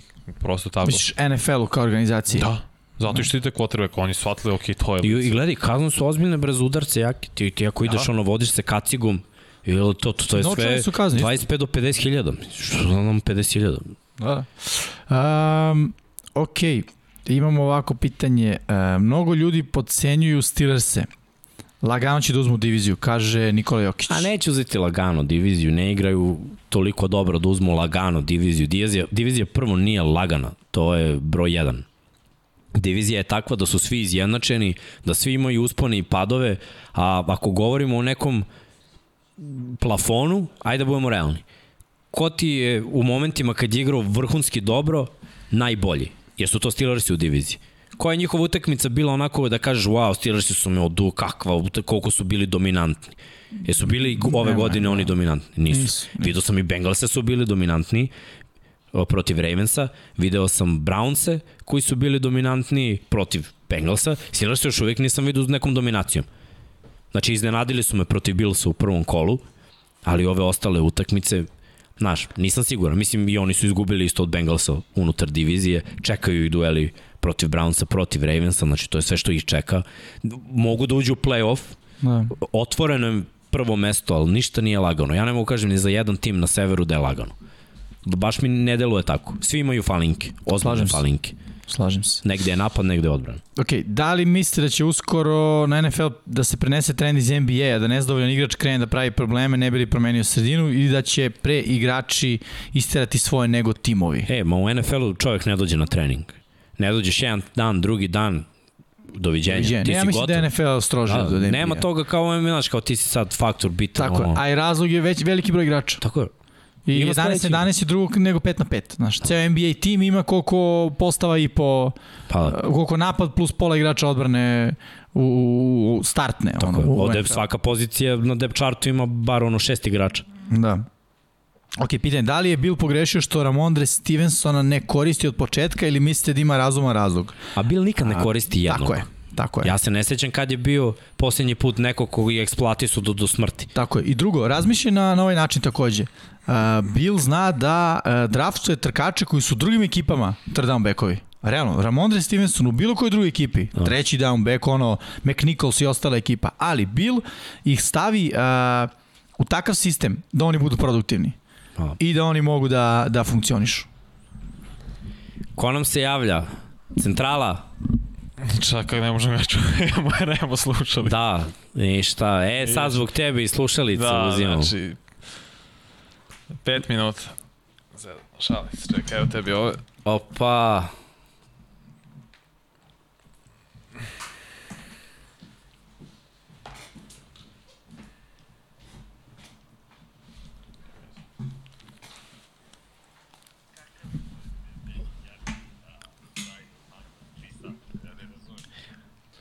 Slušaj, momče. Prvo, vidim da je kod tebe Movembar.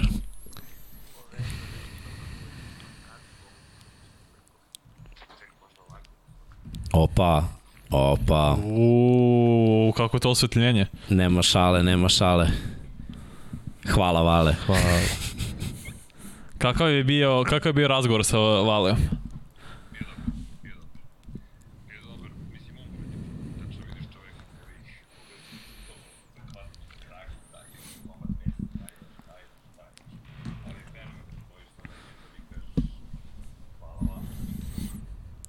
Kako mu se čini majice?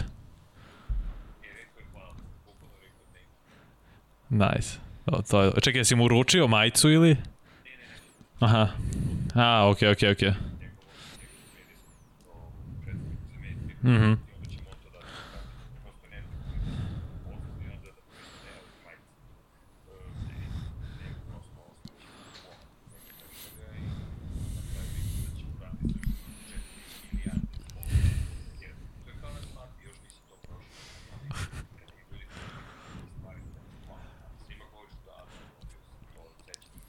A od Crkija, televizor. I karta za džece.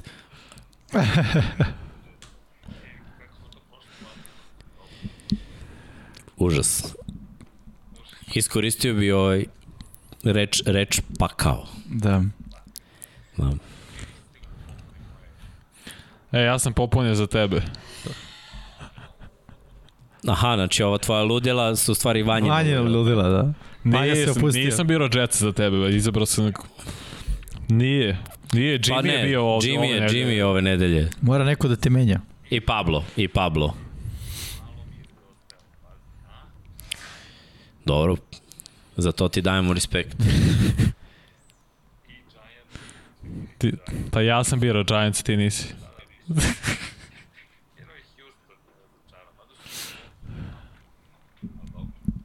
Šta da se radi?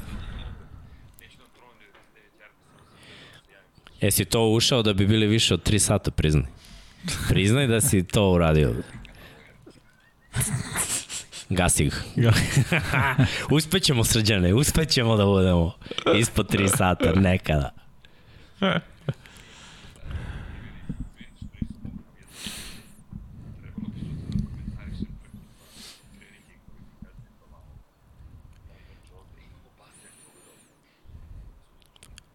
Nice. Uživaj. Odmori, uživaj. Evo ga, tu sam.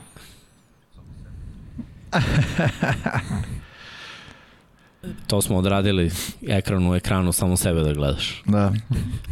Želeli smo da vidimo bazen i tebe, ali dobro, može i Kakav kick spraviš? Znao sam u momentu kad sam rekao.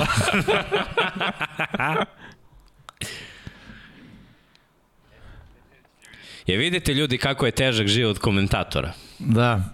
I to pogotovo kada komentarišeš uživo.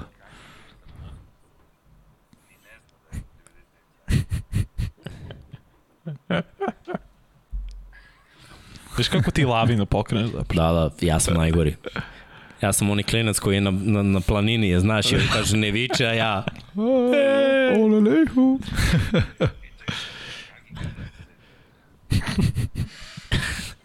Bukvalno lavina. Da. A, evo ga, Gagi.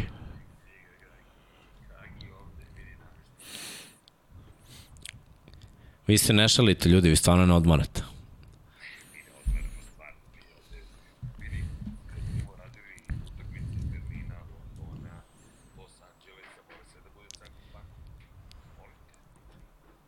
To mi se sviđa. Imamo neko pitanje za Srkija. O, ima mnogo pitanja Aj, sad, ja. ali ne mogu da se, ne, moji prsti nisu navikli da tako brzo scrolluju i da traže. Totalno si nas srđane poremete. taj dodam- bazen, daj baj bazen da vidimo.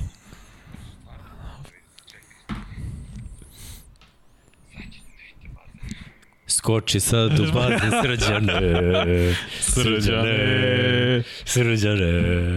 A, ne čuje se ništa. To je komentar na chatu. Za srđana? Uključi desktop audio. Ne čuje se ništa. Da kažem Dom Pablo. Imam, imam. Je li Ajde, uključen? ne poliš rasetu samo da vidi bazen. Ljubim te. Imamo Da, asistenta ne, ne, ne bazen. čuje se ništa. Jao, pa, jao. I nadam se da moja mama ovo ne gleda. I onako je zabrinuta za moj zdravlje. Uh, Srđan ima je pitanje, sad samo pitanje za tebe. Da li ćeš se ponovo farbati u zeleno? To bata gagi. Ne. Pitate Jimmy da li ćeš ponovo da se farbaš u zeleno? To je pitanje gledalca. A, pa ako je dobar povod, hoću. Ali šta bi bio dobar povod? To je dobro. Da pobede Patriote. A si igrali već dva puta? Da, Ja- E, ja ništa, teška dobro. priča. Mogu E, pa pobede sad- Bills? A dobro, bil si nakon ovog. Šta, kad je mogo Jacksonville? Sto- Da li dalje... E, sad je dobro. Napokon se čuje. Kaže ljudi, okej. Ništa Srki, možeš da odjaviš emisiju. Eto, da. Skokom u bazen. Um, Srđane, pitanje da- moraš da ponoviš odgovor, pošto ljudi nisu čuli. Da li se. Ćeš se Evo, farbati u zeleno opet? O, mene ne čuje ništa. Ne, Da. On tebe ni ne sluša. ne, ne, mislim da ne može da te čuje zapravo, stvarno. A, okej. Aha. Zbog, Ko? uh, ja čuješ Jimmy-a? Jimmy ne čujem. Da, to je to. Ne može, Zoom ne može više od dva mikrofona da prihvati. Aha. Može samo jedan, dva, ne može Si ja tri. generalno ne čujem ili? Ne, ne, ne, ne, Mogu ti- da pričam što god. A, ne. Ne, ne. Tamo sam hteo da opletem nešto. Zemba. Uuu. Evo, Vanja, hoćete jednu levu nogu u bazen. Kako ti bo- Miksa, miksa. Da, Pa ću stvarno sam pokrenuo lavinu. Srki, pitaju gledalci, se farbaš u zeleno ako dobijete Billse? Jedan, dva, ti. da. Dobre, Sačekaj. Evo, za publiku. Šta smo rekli? Voda u bazen. Evo ga. Samo za miksu. Opa! Sad kad vidiš ovi ljudi tamo, kao šta radite, bre? Da, bukvalno. E, Znaš, neko gleda ovo i pita se, Šta radite, ba? momci, 99 yardi. Sve počinje od dobre fizičke pripreme. Pazi, pazi, Gagi, moj mi padneš. Oboj se. Se. ja, Okej, witching hour. witching hour, Treći da. minut. Pa prošlo je 12. Prošlo je Ja, 12. jest. Ali dobro, Srki, samo da ti kažem da smo skoro ispoštovali košiljicu, ja sam jako zadovoljan. Sledeće nedelje ćemo probati još više da je ispoštujemo. Jer ja imam, znaš šta imam? Šta? Je čuješ? Čujem. Opa! E, tako. Profesor je, profesor je stigao tako da, momče, sledeće nedelje si School. ograničen, da. Bićeš u školici, Biće homeschooling. bukvalno. Davno sam ja ograničen ali... Pa vidim da neka ograda je tu pored tebe. O, ivičen sam. E, ali imamo opremu za vežbanje, ne vidim. Jimmy, imamo još neka pitanja možda za Srkija. A, pa nema. Uglavnom je Srki, pitanje da li je ovo watching hour. volio bi da uradiš tvoju odjevu. Pošto Da. smo mi uradili najavu i Patreon i sve, volio bi da ti odjeviš. Ne ide nam s ovim maziti si Da. da. pazite, to je ipak tvoje. Nemoj picu, nemoj, Nemoj nemoj brate, picu. nemoj A, hranu, te brate, što radiš to, brate? Vidi, paste, pice, ma daj, ma E, daj. vidi, vidi. Ne, ne čuje, neću mi da kažem. Meni ne smeta gluten. Dakle, da, da uradim odjevu. Da, A, puci. Dragi ljudi, nadam se da ste uživali. Prvo, čao svima. Nadam se da ste mi dobro. Mazite se i pazite se i vodite računa jedni drugima. Mesec je novembar, dakle puštamo brkove i bradu, borimo se protiv raka testisa. Momci na kontrolu, pozivali smo devojke u oktobru da se provere, devojke proverite se. 99 yardi kao i uvek ne razočarava preko 3 sata do witching houra i naravno vodite računa kao što uvek volimo da kažemo zato što je to bitno treba da budemo zdravi i pravi da podržavamo jedne druge evo, evo, u ime zdravlja kao što možete vidjeti Dragan ima Dinner of Champions ali šalno na stranu, stvarno dobra energija i pozitivne priče i nadam se da ste uživali koje nam je ovo izdanje? 56, je tako? Tako je. E, Da. 56. izdanje i bit će sve bolje, jednog dana ćemo ispoštovati tu čuvenu košuljicu, pa ćemo trajati koliko god da treba da trajemo, ali činjenice da se trudimo, pozdrav ime cijele ekipe, moram da skratim zato što ako sutra ne budem imao glas, bit će problema. Tako da, želim vam lepu i laku noć. Budite dobri, volite se, vozite računa jednim drugima, mazite se i pazite se naravno udrite like, udrite subscribe, jer ovo je 99 javni Infinity Lighthouse i veliki pozdrav od cele ekipe, neki iz studija na kraju univerzuma, neki iz Valencije. Ćao svima! Ćao! Gledamo se!